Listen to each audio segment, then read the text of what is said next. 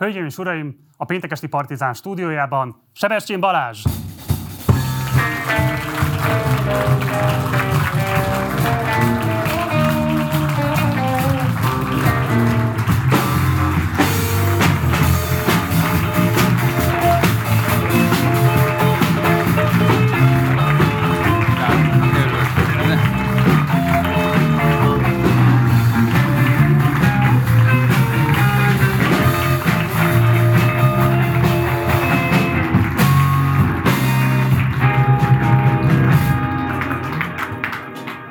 Szevasz Balázs! Hello, jó elfogadtad a estét! meghívást. Annyi szépet hallottam már kint. És mit gondoltál? Melyik ajzotta fel leginkább az érdeklődésed? Hát az nagyon tetszett, hogy szóvívő igen, politikus nem. Tehát, hogy az így, az egy abszolút kedves báj volt. Uh, voltak itt érdekességek, hogy mindenki emlékszik a Balázs sorra, de senki nem hallgat rádiót. Ez egyébként nekem is egy szép emlék, vagy egy szép élmény. Nyilván lesz róla szó. De hát nagyjából olyan nagyon nagy meglepő dolog igazából nem volt magammal kapcsolatban. A felvezetésed is tetszett, hogy próbálsz definiálni, hogy valójában mi lehetek szerinted. Vagy hogy Szerinted mi vagy? Hát nem tudom igazából, ez egy jó kérdés.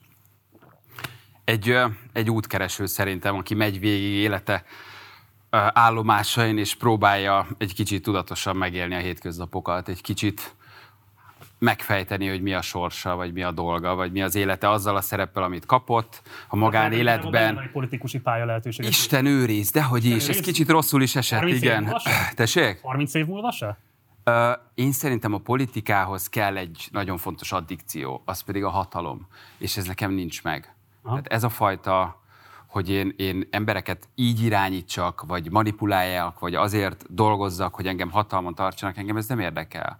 Ami nem azt jelenti, hogy az ember nem foglalkozik politikával, vagy nem követi, de nem vágynék arra, hogy oda bemenjek, a közeg, a mentális deficit, ami van, tudod? Szóval, hogy én bennem ez soha nem merült föl, és nem is tudnám jó érzéssel csinálni. Nagyon lent van a politikai párbeszéd, nagyon kiszámítható, nagyon manipulatív, nagyon egyszerű, könnyű receptek alapján működik, mindegy, hogy melyik garnitúráról beszélünk. Nagyon átlátható nekem, aki a kommunikációból jön.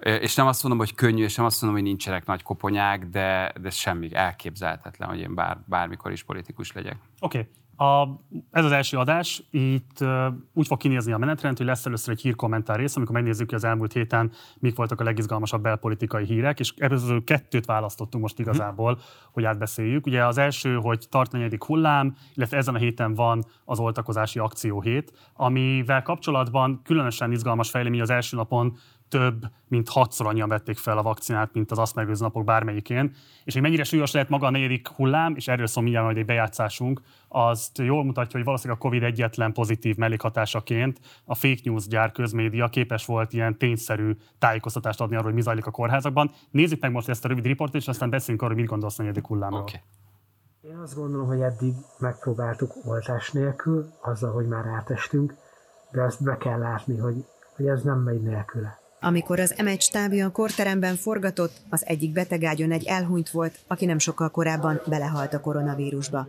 A Covid osztályon azt tapasztalják, aki átéli az itteni borzalmakat, máshogy néz a világra, miután kikerül. Amikor az oltatlan betegek túlélik a kórházat, szinte minden esetben meggondolják magukat és úgy döntenek, mégis kérik az oltást. Többször beszéltetek már arról, hogy igazából ez egy... Vidám témával indítasz. Azért azt meg kell, hogy jegyezzem, hogy azért ez egy ilyen kezdeti showműsor, az egy kiváló témaválasztás. Ez viszonylag sokat hallja az ember a Covidot, és még most megint az oltás, és megint a Covid. Jó, jó választás, abszolút jó azt, választás. Jöjjön vissza újra és újra ez a téma. Én nem vagyok virológus. Tehát ezt én neked nem fogom tudni megválaszolni. Ha ezt szeretnéd, hogy megválaszoljam, akkor rossz embert hívtál. Uh, nem tudom. Én szerintem ez itt marad. Szerintem ehhez mentálisan kell megerősödni. Tehát a COVID fizikai szinten, ha, ha ha te veszélyben vagy, ez egy baromi nehéz dolog, de legalább azt szoktam mondani, hogy a mentális része annyira nehéz. Ami velünk az elmúlt másfél évben történt, az a legtöbb embert még csak nem is az intenzíven hurcolta meg. És nem azt mondom, hogy oltástagadó lennék, vagy covid tagadó, hanem azt mondom, hogy ez mentálisan tesz leginkább próbára mindenkit. A szorongást, a félelmet, a bezártságot, a rátszakadó, elhazudott, ki nem mondott, szembe nem nézett problémáidat, amit egyszer csak négy fal között meg kell oldanod. Erről szólt a bezárás nem voltak pótcselekvések, nem volt kocsma, nem volt sport. Hirtelen ott maradtam egy csomó játszmával, egy csomó elhazudott dologgal, egy csomó meg nem oldott konfliktussal magammal, a gyerekeimmel, a feleségemmel, a férjemmel. Bezárva, ez ugye kumulálódik. Azonnal kijön, nem tudok hova elmenni, nem, tudok hova leve, nem tudom hol levezetni.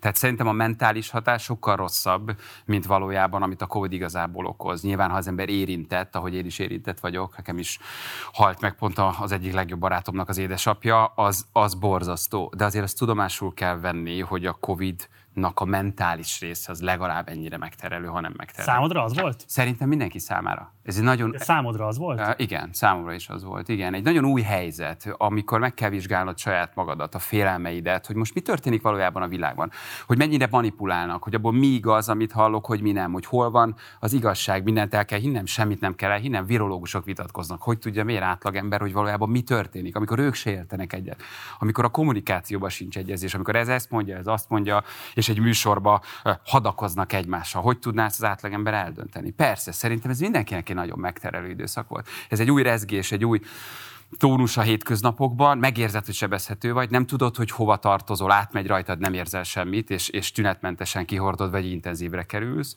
A jó Isten azt mondja, hogy te bemész, te megúszod, ha hiszünk ebben, uh, és senki nem tudta érteni, hogy mi van. Az ember legnagyobb félelme az, hogy kicsúszik a kontroll a kezéből. Mi történik? Mit akarunk a hétköznapokban? Kontrollálni mindent. Menedzselni az életünket, menedzselni a gyerekünket, a párkapcsolatunkat, és azt érezni, hogy irányítunk. Erre törekedik mindenki. Valójában nem, csak szeretjük azt gondolni.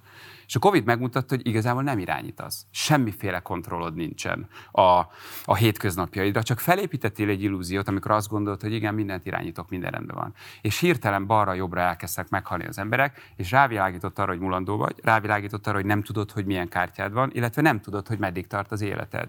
És hirtelen ez a sok-sok önhazugság hozott valami olyat, amitől aztán megnőtt a családon belüli erőszak, amitől aztán több gyereket post-covid traumával kezelnek, amitől aztán a, a, a nőverés, az ivás, amikor az emberek kiszabadultak, a, a gyerekverés az elszabadult, mert a magyar ember mentálisan, de szerintem csak a magyar ember, senki nem tudta ezt valójában kezelni, és nem is volt meg hozzá segítség. Kinyitasz egy orgánumot, ömlik belőle, hogy mindannyian meghalunk, vége van. Kinyitasz egy másikat, azt mondja, hogy semmi baj nincs igazából, mindenki nyugodjon, túl van az egész lihegve, és azt látod, hogy egyik virológus a másika. Kinek hiszel? Hova teszed a saját szubjektivitásodat? Mit gondolsz? Nem tudsz. Ki kell alakítani az egyéni védekező rendszeredet. A probléma megoldó. a COVID elleni védőoltás? Mit gondolsz erről a kérdésről? Uh, nézd, én azt gondolom, hogy uh, én szerintem azért az oltás tagadás az hülyen mutatja azt, hogy ki milyen szellemi állapotban van. Azért ez egy kimutatott tény, hogy az emberek minél iskolázottabbak, minél olvasottabbak, tájékozottabbak, annál bátrabban merik felvenni az oltást, és minél kevésbé iskolázottabbak, annál jobban érezhető az összeesküvés elmélet, a megölnek bennünket, a sterilizálnak, a csipet ültetnek belénk, és nem tudom. Én azt hiszem, az hogy, a szélsőség szinte, én azt hiszem, hogy kell egy... Teljesen akceptálható adott esetben ellenérzések. Én, nem biztos, hogy tagadás, nem csak nem magában volt. az, hogy nem biztos, hogy egy ilyen vakcinát valaki szeretne magában. Én ezt is el tudom fogadni, de van egy pont, amikor tudomásul kell azt venni, hogy vagy van egy közös társadalmi szerepvállalás, vagy ez nagyon sokáig itt marad. És maszkot hordunk, és bezárások lesznek, és megfertőző valaki, és lehet, hogy rajtad átmegy, de lehet, hogy ő meghal. Tehát, hogy... támogatnád, hogy kötelező legyen? Nem tudom, hogy, hogy a magyar embernél ezt lehet támogatni. Valószínűleg én azt hiszem, hogy igen, jó lenne. Úgy tudjuk ezt legyőzni. Valójában azért bebizonyosodott tény, hogy azon országokban, ahol minél nagyobb az átoltottság, ott ez a dolog egy kicsit úgy látszik, hogy kezd visszaszorulni. Aztán vannak országok, ugye, ahol bebizonyosodott, hogy 80%-a ugyanakkor a káosz. Tehát nincs egy exakt, objektív minta, ami alapján tudsz tájékozódni. De én azt hiszem, hogy azért ez hasznos, hogy magad miatt is, és felelősséget válasz a többiekért. A mai demokráciák, országok, nyugat-európai, európai ember kicsit azt gondolja, hogy a demokrácia ott kezdődik, hogy én, és nekem mindent szabad. Én azt gondolom, hogy a társadalmi felelősségvállalás egy ilyen helyzetben legalább annyira fontos. Mit tudok megtenni? Oké, okay, beoltatom magam. Lehet, hogy félek. Lehet, hogy hallottam olyat, hogy valakinél okozott valamit, de hosszú távon egy bölcsebb, kollektívebb megoldást kell találni, mint hogy azt mondjuk, hogy hát én nem oltok, aztán majd mindenki ó, azt sem, akar. Persze, ne oltsál, de lehet, hogy holnap letűzszöksz valakit, aki belehal. Szóval ennyit ki kell vennünk a részünkből, mert az nem oké, okay, hogy nem oltunk, de közben elvárjuk, hogy ugyanolyan jogaink legyenek. Szóval én, én Oké, okay, abszolút. Azt gondolom, hogy kell, vagy kellene. Ez jó megoldás lenne, igen. Érdekelne a közönség sorában mit gondoltok erről a kérdésről. Tegye fel a kezét, aki támogatná azt, hogy kötelező legyen a COVID elleni vétőoltás felvétele. Na. Oké. Okay. Ők fizetett statiszták egyébként, nem? Azok vagytok? Most már tudom, mire ment el a gázsim, úgyhogy ére, érezzétek jól magatokat. Jó, A, van egy kérdés, amit fel akartam még tenni ezzel kapcsolatban, hogy ugye ti reggeli rádióműsort vezettek, rengeteg SMS, telefonhívás, stb. fut be hozzátok. Nyilvánvalóan folyamatosan tapasztaljátok azt, hogy hogyan váltakozik a közvélemény azzal kapcsolatban, hogy éppen erősebb lezárásokat akarnak, éppen elegük van a lezárásokból, adott esetben inkább támogatják a védőoltásokat, inkább szkeptikusak a védőoltásokkal. Hogy lehet erre műsorvezetőként és szerkesztőként reagálni egy ilyen napi négy órás műsorfolyamban? Szerintem tök őszintén. Tehát az a legfontosabb, hogy önazonos legyél amíg én azt gondoltam, hogy bajom van az oltással, addig azt mondtam. Amikor meggyőztem magam, és rájöttem, hogy nincs más megoldás, akkor vállaltam, hogy oltottam. Szóval, hogy ha hazudsz egyrészt rajta kapnak, kettő nem lesz önazonos a műsor, három azért a hallgató egy nagyon érzékeny közeg, aki nagyon sok mindent megjegyez, lehet olyan dolgot, amire te nem is emlékszel. Ez teljesen önazonos módon. Gyerekek, vannak kérdéseink, tegyük föl.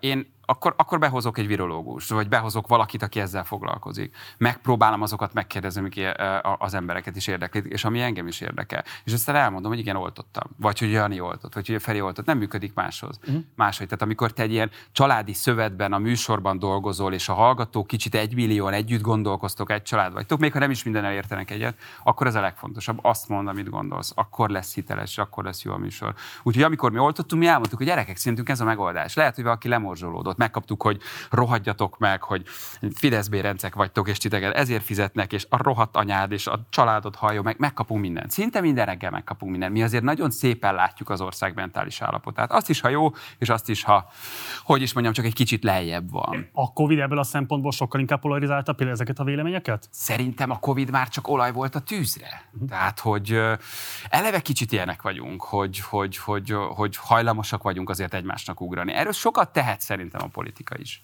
a mindenkori politika, hogy egyszerre olyan szinten van a hétköznapjainkban, és olyan szinten őríti meg az embereket, hogy nagyon ugrik mindenki mindenre. Erre jött a Covid, a teljes bizonytalanság, ennél kisebb dolgokért is összeveszett már magyar ember a családban, a barátjával, a férjével. Hát az, hogy olcsunk vagy ne olcsunk, a másfél évünk központú kérdése.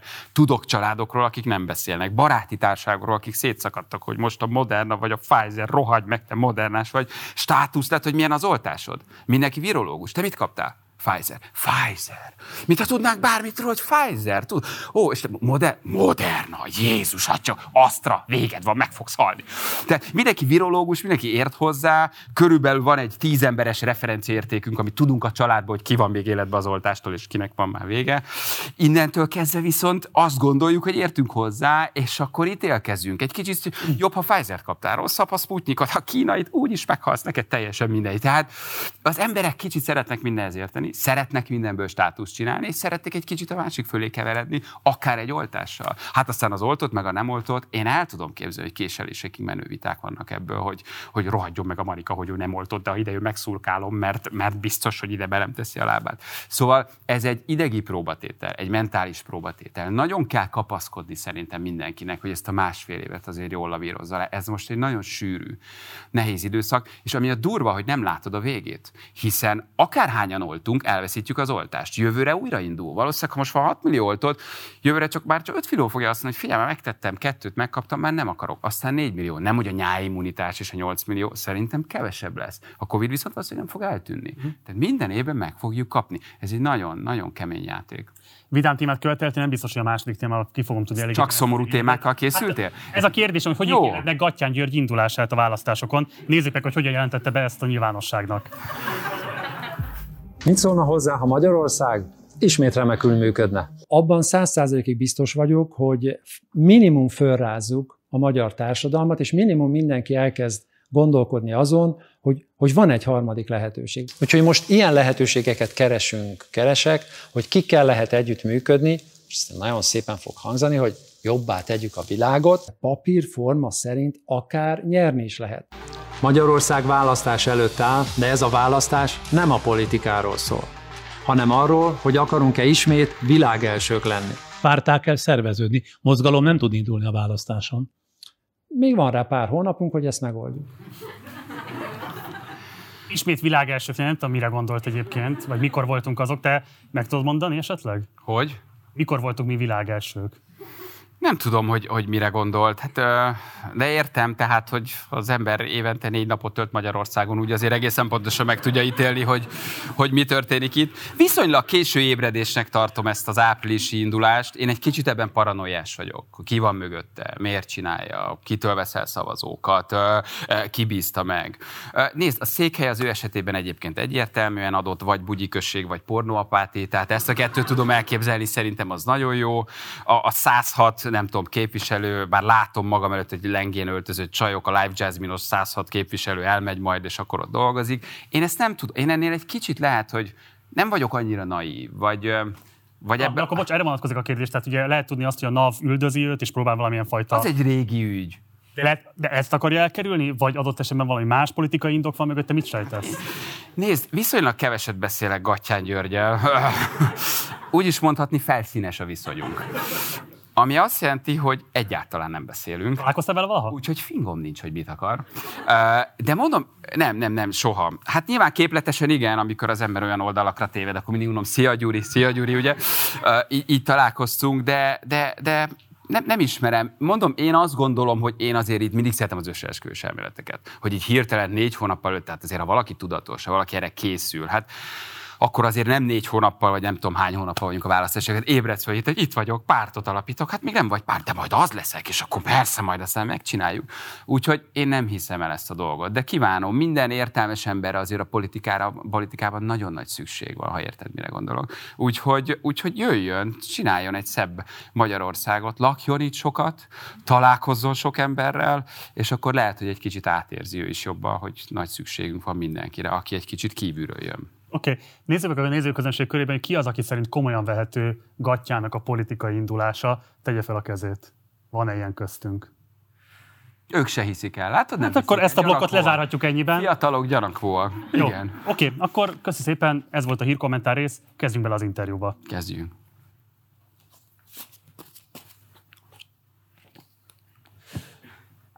Jó, ne kerülgessük a forrókását, és vegyük előre a legelére azokat a kérdéseket, amikre felteszem, hogy készültél, hogy itt a Partizánban majd sor kerül rá. Az első három kérdésben benne szokott lenni, úgyhogy nyugodtan kezd Igen, igen, igen, de nem is olyan megközelítésbe akarom föltenni, az E beszéljünk. Abszolút, hát ez... Mert hogy elég sokszor elverték a port rajtad ezzel kapcsolatosan, de szerintem van egy olyan szempont, ami eddig nem került elő, és tökre érdekel, mit gondolsz róla. Először röviden nézzük meg, hogy pontosan miről van szó, nézzük meg azt a felvételt, vagy abból egy részletet, ami igen nagy karriert futott az interneten, gondolom a legnagyobb boldogságodra. Úgyhogy most nem mondanám azért. dobjuk meg néhány százezerrel ennek a nézettségét, és akkor utána beszélgessünk erről. Köszönöm a kedvességet. Jó, ha. A két fagyizós fiatal nem állt a rendelkezésemre, úgyhogy egy olyan klipel folytatjuk, amiben fagyit nyalnak. Vagy a sekkemet. Elküldjük a klipet csak azért így. Sziasztok! Hello, hello. Bazd meg. Miről beszéljünk? Az a mai téma, hogy hidegben szívesebben jártok-e bulizni, vagy befolyásolja azt a kedvetek. Mi van, bazd meg? Miről beszélsz, te barom? Mehet újra! Várj egy nyersanyagot, senki nem néz be.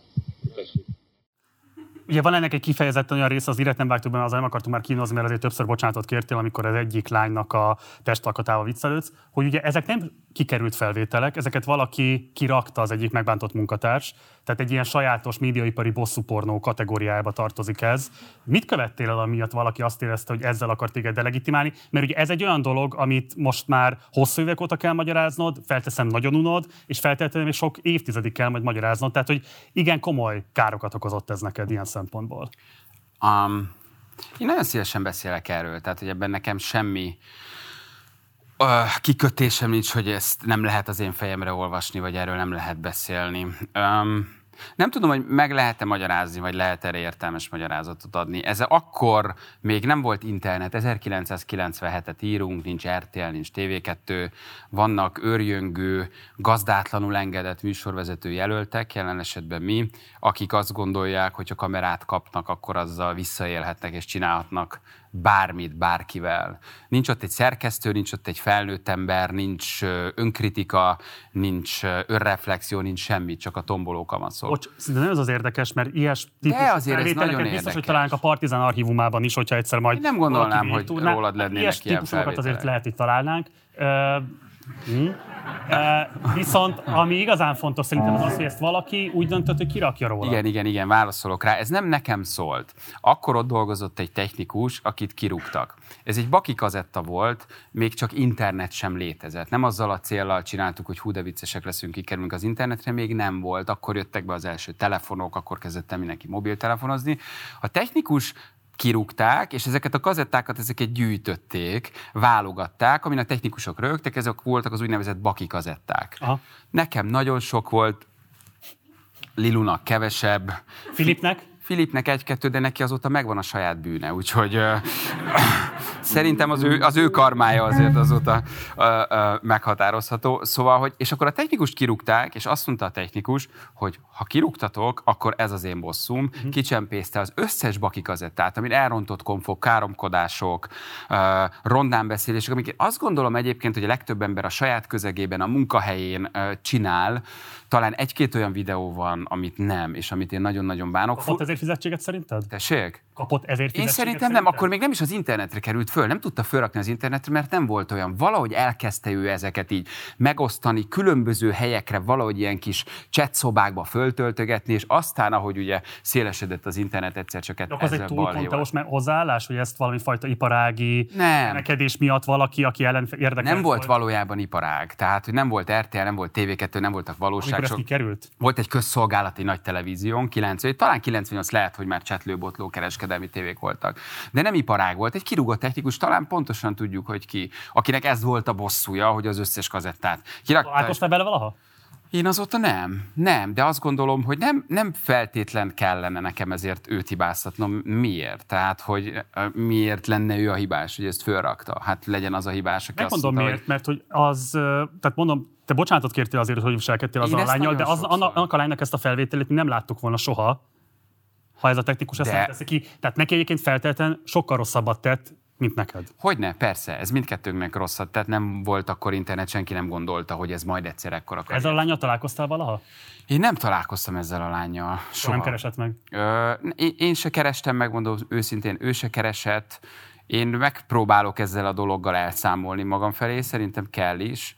Meg is van rá magyarázatom, ami nem azt jelenti, hogy az ember felmenti magát, és nem azt jelenti, hogy létjogosultságot adnak, hogy így bánunk valakivel. De egyszerűen tudom, hogy vezekeltem eleget, hogy, hogy, hogy, hogy ezen a dolgon túl kell, hogy lépjek. Nyilván neki okoztam a legnagyobb bajt ezzel, vagy a, a legnagyobb szenvedést, de hát tudod, vannak az életben olyan dolgok, amiket az ember se jóvá tenni, se megváltoztatni nem nagyon tud. Ez ügyben én nem tudok mit csinálni azon túl, hogy az ember elmantrázza, hogy elképesztő barom voltam. Fura módon nekem ez a videó, vagy ez a balhé, ami nagyon nagy balhé volt, hozta el azt a változást az életemben. Nekünk a vezetőség akkor azt mondta, hogy srácok, vagy mind mentek mindannyian a levesbe, és vége van, és ki vagytok rúgva, vagy elkezdtek tényleg megtanulni tévézni. Addig Bocs, csak ezt miért örültünk. mondhatták nektek, miközben az nyilvánvalóan az ő felelősségük is. Ö, Én nem, nem tudom, nem is tudták igazából, hogy mi történik. Nem elengedtek minket, beültünk a stábuszba, valahogy hozzatok valami forgatott anyagot, borzasztóan más világ volt, magunkon kísérleteztünk a nézőkön, a klipküldőkön, együtt tanultuk ezt az egészet. Az nagy hiba volt, hogy minket így elengedtek. De ez sem mentesít afelől, hogy az ember egy őrjöngő, bosszúálló kamasz, és nincs is miért, mert viszonylag normális gyerekkorom volt, akkor azért ezt nem csinálja meg. És akkor azt mondták, hogy srácok, utolsó esély, akkor ebből nagyon nagy balhé volt. Rádiók, té- tévék, ha volt, nem tudom, de rádiók tudom, mert a bocskorék már voltak és foglalkoztak ezzel. És azt mondták, hogy vagy oké, okay, komolyan veszitek, vagy mentek a levesbe, és akkor ez nekem is egy nagyon nagy fejen kólintás volt, hogy én vagy elkallódom, és vége lesz, vagy megtanulok. Hogyan tudtad, hogy mit jelent, hogy komolyan venni, hogyha egyébként semmilyen mintát nem kaptál a tévétől? Tehát, hogy De- ők változtattak-e valamit azon, mondjuk, hogy milyen szerkesztőt kaptatok Igen. magatok mellé, hogy mondjuk hogyan beszéltek át egy témát? Tehát, hogy egyébként Abszolút. azon kívül, hogy megfogalmazták az elvárást, segítettek-e bármit abban, Elkezdtek- hogy azt teljesíteni tudjátok? Elkezdtek minket képezni, beszédtanárt hoztak, interjú Nem a beszédtechnikáddal volt a probléma. Nem, igen, a beszédtechnikám egészen rendben van. De elke- hozzám képest. Elkezdtek, elkezdtek velünk valójában foglalkozni. Megtanítottak interjút csinálni, megtanultak riportot csinálni, kielemeztették velünk az adásokat, leültettek, jöttek tanárok, különböző kurzusokra Elkezdtek küldtek. normál elkezdtek, működni. elkezdtek egy kicsit professzionálisabb, normál tévéként működni, mert ők is érezték, hogy ebből nem lesz B megoldás. A megoldás önöngő kamaszok vége. És akkor elindult egy műhely munka a Zene tévén belül, amit aztán azt eredményezte, hogy szanaszét szaladtunk, és mindenki sokáig dolgozott dolgozott egy-egy kereskedelmi tévében. Tehát valahogy ugyanakkor ez sorszerű volt, és kellett ahhoz, hogy mi is komolyan vegyük, a cég is rájöjjön, hogy ez nem mehet tovább, és ne egy önsorsontó, öncélú álmokfutás legyen az E plusz képernyőjén, hanem valamiféle szakmaiságot próbáljuk meg becsempészni. Úgyhogy azt lehet hogy te Havas Henrik média iskolájába jártál, az elmondásod szerint semmit nem oktattak neked. Így van, ez szó E, szerint. És hogy, De nagyon sokat fizettem érte, úgyhogy remélem Henriknek van egy szép balatoni nyaralója, ahol a lábát mossa a Balaton rányújt egy nagy szivarra, és azt mondja, köszönöm Balázs. És másik egy millió ember, aki egyébként oda járt, hogy befizesse a nem kevés tandíjat. Valójában nagyon kevés. Mikor jártál oda? Hát remélem nem túl sokat. Amikor kikerültem a gimnáziumból, akkor kerültem oda, csak aztán indult az LTV, és akkor így párhuzamosan csináltam a kettőt, vizsgákra jártam csak be, buktam. Mit fizettél érte? Hát én akkor még viszonylag kevesebbet, aztán elkezdtem keresni, és akkor többet, a szüleim az elején sokat, akkor azért ilyen havi 70-80 ezer volt egy fél év, 97-98-at írunk, az nagyon sok pénz sok volt pénz. akkor. Tehát azért az sok pénz volt. De azt érezted, hogy kell, hogy azért ezt meg kell csinálni. Akkor nagyon mentek a médiaiskolák, még Anetkának is médiaiskolája volt. Gondold el, ezt Miért nem oda mentél? Tessék? Miért nem oda Mert mentél? később indult basszus. Tehát, hogy ha, ha, tudom, ha tudom, akkor lehet, hogy oda megyek, és akkor az ember megtanul telefonon beszélgetni, akkor vetközni, tornázni mesztelenül, de egyébként akkor Ennek más felvételek is róla. Igen, lennék meg, hogy egy spárgázom messzelenül, de gondolom, hogy ilyen szép lenne. Szóval, akkor mi... Most, amikor a, Havas Henrikhez jártál, ott például médiatikai kérdések elő se kerültek? De bejött a Henrik, elmondott egy-két dolgot, erről volt is mondott konkrétan? sajtóműfaj elmélet, volt sajtótörténet, de tudod, ez egész kommunikáció képzés, meg bölcsés képzés, ez egy baromi nagy alibi. Szóval, hogy ez egy alibi szak. Nekem tök jó volt. De, de, de, de alibi szak nem tanulsz igazából semmi kézzel foghatót. Lesz egy bölcsész diplomát, egy kommunikáció diplomát, ami bullshit. Ha szerencséd van, csinálsz mellé még egy angol nyelvvizsgát. Ha nincs szerencséd, vagy lusta, vagy nem csinálod meg. De nem ad igazából effektíve szakmát a kezedbe. Bölcsész diplomát tök jó hangzik, mit érsz vele? Semmit. Semmit. Valójában. Vagy csak nagyon keveset. De a Henrik az első két évben engem vizsgáztatott, tanultunk együtt, kirúgott vizsgáról, beültem az óráira, ő sokkal jobban unta, mint én, úgyhogy, ö, úgyhogy úgy, jártam én oda, próbáltam, csak aztán elindult a zenetév, és akkor én már tudtam, hogy nagyon ezt akarom csinálni, és akkor kicsit el is anyagoltam. 2016-ban volt egy adásod, ahol elhívtad az egykori Z pluszos arcokat, és igazából, ha jól megnézzük, a látványos média karrier az csak neked jött össze. Ez nem így van szerintem. A látványos, az igazán látványos Na jó, de. karrier. Uh, nem, hát a Zsúly sokáig dolgozott. Milyen feszültséget okoz köztetek? Mert azért van egy-kettő a közülük, akiről azt feltételezem, hogy van baráti viszony is köztetek, nem csak kollegiális. Senkivel nincs. Senkivel nincs. Senkivel nincs. Aha. Nem. Mi akkor egy nagyon Irigykedéseknek volt el emiatt a céltáblája? Hát lehet, hogy hátam mögött irigykedtek, amikor ott vagyok, akkor nagyon, vagy ott vagyunk együtt, nagyon ölelgetnek, de nem biztos, hogy őszintén, nem tudom. Uh, én szerintem egyébként nem. A Zsú is boldog a saját életében, a Lilu azért van képernyőn, Filip Filip, de hogy, tehát, hogy igazából nem, én nem hiszem, hogy irigykednének szerintem. Én azért azt látom, hogy mindenki megtalálta. Nagy Sanyi, Alex is megtalálta a helyét. Mi azért ezt pontosan tudjuk, hogy a kereskedelmi tévézés azért nem egy olyan kézzel eléd lerakott aranytálca, ahol te be vagy biztosítva, és mindig mindent megkapsz. Én nem hiszem, hogy irigykednének. Nekünk az egy nagyon jó élmény, nekik is egy jó élmény, úgyhogy én remélem, hogy nem irigyek, nem lenne ráuk. Rákai Filip, amikor még együtt csináltatok műsorokat, ilyen karrier célzott magának 20 évvel későbbre? Hát hívd be ide, itt dolgozik fölötted, kérdezd meg. Leütheted ide, megkérdezed, elmondja. Nem Erről tud. ti beszéltetek valaha, hogy például milyen karrier céljaitok vannak, milyen műsorterveitek vannak, tehát ilyen szakmai közösségként ti működtetek? Soha. Nem nagyon. Én egyszer beültem megcsinálni az ő műsorát, Izé volt a műsorának a címe, helyettesítettem, beteg volt, vagy lehet, hogy már valamilyen nagy gyűlésem volt, nem tudom.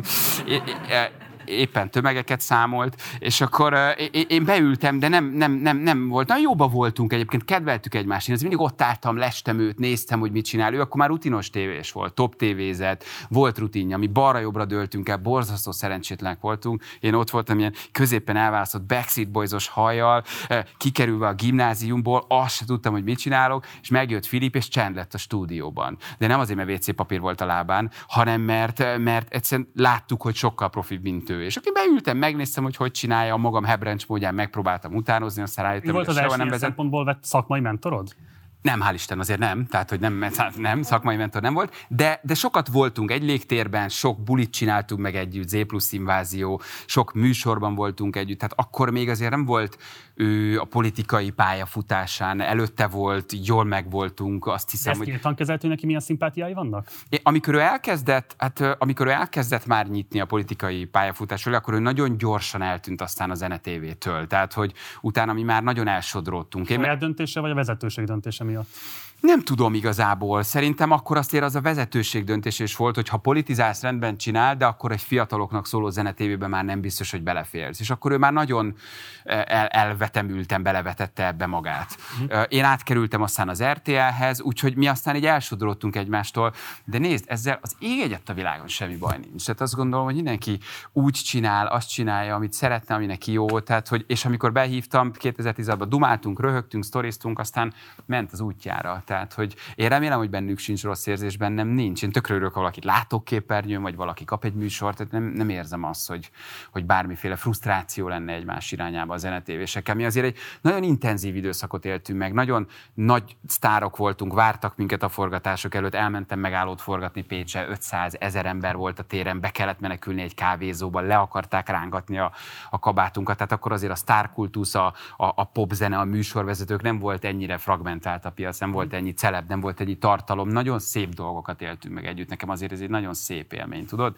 Úgyhogy én remélem, hogy mindenki erre jó szívvel gondol. Nekem az egy nagyon hasznos időszak volt. Én mindent a zenetévének köszönhetek igazából. Ha már ezt a hype-ot emlegetted, azt lehet tudni, amikor a Club Rotation csináltátok, és ellátogattátok a különböző klubokat országszerte, te is így hivatkoztál rá, és különben más, nem tudom, a könyvedben is írtál erről, hogy elképesztő érdeklődés volt irántad, és hogy éltél is ez az érdeklődéssel derekasan. Milyen finoman fogalmazol. Igyekeztem, mert gondoltam, hogy rád bízom az Éltél az érdeklődéssel derekasan, tetszik. Igen. Köszönöm szépen. Hogy a nagy kérdés az, hogy azért a te elmondásod szerint a történetek olyan esetek, amik mondjuk egy ilyen MeToo utáni időszakban legalábbis problematizálhatóak. Most arra gondolsz, hogy nőket zaklattam, és megzsaroltam őket, vagy valami? Van-e olyan történet a tarsajodban, ami ilyen szempontból MeToo képes? Gondolkodtál például akkor, amikor az egész botrány kirobbant, hogy lehet érintettje ennek te magad is? Ilyen barátságos kérdések. Uh, nem, képzeld el, hogy soha és semmiféle félelem nincs bennem. Tehát, hogy én nagyon szerettem a lányokat, és nagyon jóban voltunk, de soha nem éltem vissza a helyzetemmel, nincs mitől félnem, nincsenek csontvázak a szekrényemben. Igazából azt gondolja rólunk mindenki, hogy mekkora csajozógépek voltunk, de azért a popstar. A saját elmondásod alapján gondoljuk. Az, hogy mi nagyon éltünk akkor, hogy nagyon bulisztunk, hogy nagyon benne voltunk a sűrűjében, hogy az egész őrületben, ami buli, parti, barátnő, éjszakázás, buli, repcsi, nagyon sok minden volt. De, de nem feltétlen voltam azért az a típus, aki egyik nőből estem a másikba. Nálam azért vannak szakértőbbek a témában a zenetévénél, akiknek azért hát elég komoly előélete van, vagy utóélete. Nincsenek csontvázaid, de tudsz arról, akinek vannak. Nem, nem ezt mondtam, nem, nem ezt mondtam, hogy hamarosan kihullanak a csontvázak a bokorról, sőt, robbantok is itt egyet nálad, hogy meglegyen a nézettség. Nem, nem erre gondoltam, nekem nagyon tiszta a tehát, hogy sosem voltam ez a típus, és nincs mitől félni. Ezen az ember gondolkodik, amikor az egész MeToo hullám elindult, hogy vajon ki lesz a következő, de, de biztos, hogy biztos, hogy nem, nincs miért félnem. Nem csak a szexuális visszaélés vagy bántalmazás a kérdés, hanem alapvetően egyáltalán a hatalommal való visszaélés kérdés, aminek nyilván a média kiemelten érintetje, és hát nyilván az E pluszban, hogy te is elmondod, nagyon tisztázatlan viszonyok voltak. Nem volt igazából kitalálva az, hogy kifelel egy műsorért, egy műsorvezetőnek mi a felelőssége, tehát mondod, hogy ez egy ilyen folyamatában épülő dolog volt. Tehát nyilván ilyenkor törvényszerűen elkövetnek hibákat az ott dolgozók, Ilyen reflexiód volt erről? A, legnagy, a legnagyobb hatalommal való visszaélésem talán az volt, hogy még azzal is küldettem klippet a Váci utcába, aki már kétszer küldött, nem akart, gyűlölt, gyűlöltem is, de addig mentem utána, amíg küldött egy izé, Biző Boys klippet az anyjának. Tehát, hogy, vagy egy Hip Boys klippet. Ne, nem Én volt. Azt hiszem, hogy te magad, hanem a tévé vezetőség, a szerkesztő, nem. mondjuk a női műsorvezető társaiddal szemben. Nem, soha nem. Tehát, hogy azért ez így... Ilyen szempontból ez egy bántalmazásmentes környezet volt? Abszolút. Nyilván, figyelj, idegi stressz biztos, hogy volt. De valaki nem akarta csinálni, kiszállt álltak műsorvezetők. Ha valaki úgy döntött, hogy neki elég, akkor abszolút tisztában volt az, vagy, vagy, vagy, vagy szem előtt volt, és kiszállhatod. Nem volt senki a szerződésével zsarolva, nem volt senki belekényszerítve. Aki labilis volt, mint a Krista, aki két hónap után azt mondta, hogy ez nem az én világom, kiszállok, hagyták, elment. Tehát ezért ezt mindenki nagyon szerette és nagyon akarta, nem volt ebben erőszak. Azért nekünk volt egy nagyon jó vezérigazgatónk, akinek, akivel nekem az ott is nagyon jó a kapcsolatom, és én nagyon sokat köszönhetünk neki, és azért ő nagyon jól menedzselte azt a fajta őrület, amiben, őrületet, amiben voltunk. Hogy egy kezdő kábel TV, fiatal műsorvezetőkkel, mindenki egy kicsit ego, mindenki egy kicsit önmegvalósít, de nagyon jól terelte, hogy azért ez egy professzionális tévévé váljon, és később egyébként azzá is vált. Neked mikor volt az első olyan tudatos szakmai pillanatod, amikor úgy tekintettél magadra műsorkészítőként, hogy most már van egy cél, amit szeretnék azzal elérni, hogy mit csinálok a kamera előtt? Én nekem ez akkor volt, mikor mindenki elment már a kereskedelmi tévéhez, a Lilu már való világban volt, a Zsua TV2-nél, én még, még mindig mentem Vácrátótra, hogy küldj egy scooter klipet annak, akinek szeretnél, és ültem a buszba, és, és, és, és azon gondolkoztam, hogy valószínűleg egész életemben ezt fogom csinálni, hogy megyek Debrecenbe, megyek egy gőzgombóc fesztiválra, megyek egy, egy, egy, egy, egy, egy, egy, egy, egy, egy, egy, egy disznőlésre, Békés Csabára, és, és mindenkivel klipet küldetek, hogy mondja, lád ide a mikrofont, küldem az agyámnak. És így és már mindenki kereskedelmi tévézett. És én voltam a legutolsó, akit elvittek.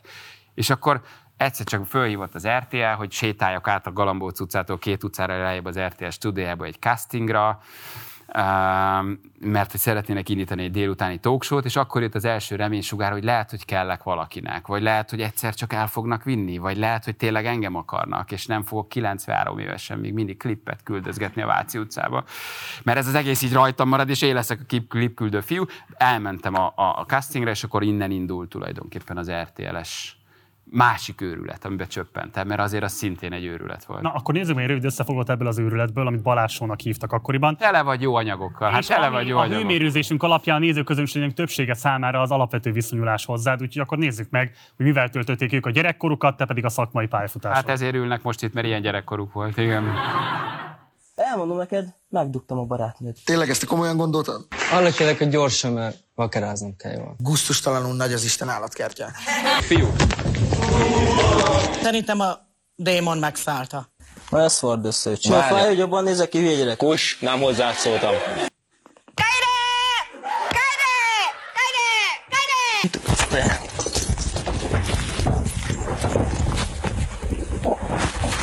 És ezt a képet pedig összetörjük. Nincs! Számodra ez a szellem. Ennyi idiót embert összeállít. Egy helyre. Nem mondd, hogy nem volt jó. Nem mondd, hogy nem volt egy jobb, őszintébb korszak, nem mondd, hogy nem volt jó, hogy délután verekedni lehetett kereskedelmi tévén. Hát mennyivel szókimondóbb, őszintébb dolog volt, mennyire, mennyire őszintébb világ volt. Nem most, most mindenki... is, hogy ez egy nem skriptelt dolog volt? Tessék? Azt tartod most is, hogy ez nem egy rendezett dolog volt? Abszolút. Ahogyne, persze. Teljesen. Ez az igazság is, Balázs? Abszolút. Egyet hagy kérdezzek vissza. Gondold el, ha ez meg lenne rendezve, és adnék neked egy tíz oldalas szövegkönyvet, hogy azt tanuld meg. Pontosan lépje be. Pontosan azt kérdezd, amit kell kérdezni. Azt Pontosan azt csináld abban a dramaturgiai során, amit kell. Szerinted meg tudnák csinálni? Szerinted képesek lennének rá? Szerintem nem. Ugye az összeesküvés elméletek velünk kapcsolatban mindig nagyon felkapottak voltak a Mónival kapcsolatban is. De azért azt el kell, hogy mondjam, hogy fogakarányában sokkal jobbak voltunk, mint a Mónika. Tehát, hogy azért ebben, ebben legalábbis lett némi előnyünk, vagy szertettünk némi előnyre nem volt megrendezve, nem is tudtuk volna megrendezve. Az, hogy az emberek ezért pénzt kapnak, hogy oda bejönnek, a sokan összekeverték azzal. Vagy az, hogy egyszer-egyszer egy szerkesztő, akinek egy adásban három sztorit kellett megcsinálni, az mondjuk megpróbálta megvezetni a műsorvezetőt, vagy a főszerkesztőt, és úgy ment oda emberhez, hogy gyere, próbáld meg ezt eljátszani, adok neked pénzt, és legyél a szerető, akkor azért azokat mi észrevettük és lefüleltük. Azt nem mondom, hogy nem voltak ilyen történetek. De az, hogy ott színészek lettek volna, hogy ezt mi megjátszottuk volna, hogy erre mi kértük volna őket, ez, ez nem így volt. Ez nem is működött. Én legjobb tudomásom szerint a szerkesztőkön iszonyatos nyomás volt, hogy szállítsák a delikvenseket, mert az ő bérezésük attól függött, hogy volt-e sztori vagy sem. Tehát én értem bennük, igazából abban voltak érdekeltek, hogy tök mindegy, hogy mi csak jöjjön be, és nyilván ebből a szempontból a legkevésbé akaraterős embereket sikerül megnyerni, a legkevésbé önrendelkezésre képes embereket sikerül megnyerni, hogy jöjjenek, mert hát naponta ment ez a műsor, tehát nyilván eszméletlen mennyiségű vendéget kellett produkálni. Én szerintem egy kicsit felment érted őket, ha arra gondolsz, hogy önrendelkezés nélkül. Szerintem nem így van. Ez egy, ez egy, ez egy hárítás megint, hogy jaj, szegény, szerencsétlen sorsú emberek, akiket barkasszal odavittek, nem tudták, hogy hova mennek, belőkték őt, és azt mondják, ja, te vagy az Balázs, ja, ez a feleségem, ja, megcsaltam, én, Tényleg? És egyébként félredugtam a szomszéddal? Hát milyen műsor ez? Tehát, hogy azért én azt gondolom, hogy nem kell őket felmenteni. Pontosan tudták, hogy hova jönnek. Nagyon sokan, akkor még a tévének nagyon nagy ereje volt borzasztó erős volt. Tehát ha megnézed ma, vagy megnézed régen, hogy a televízió az a lakásokban hol foglal helyet, akkor pontosan látod, hogy régen mindenki a szoba közepére tette egy akkora tévét, ami ott van, körbeülte a család a karácsony, azt mondta, ez az új ajándék.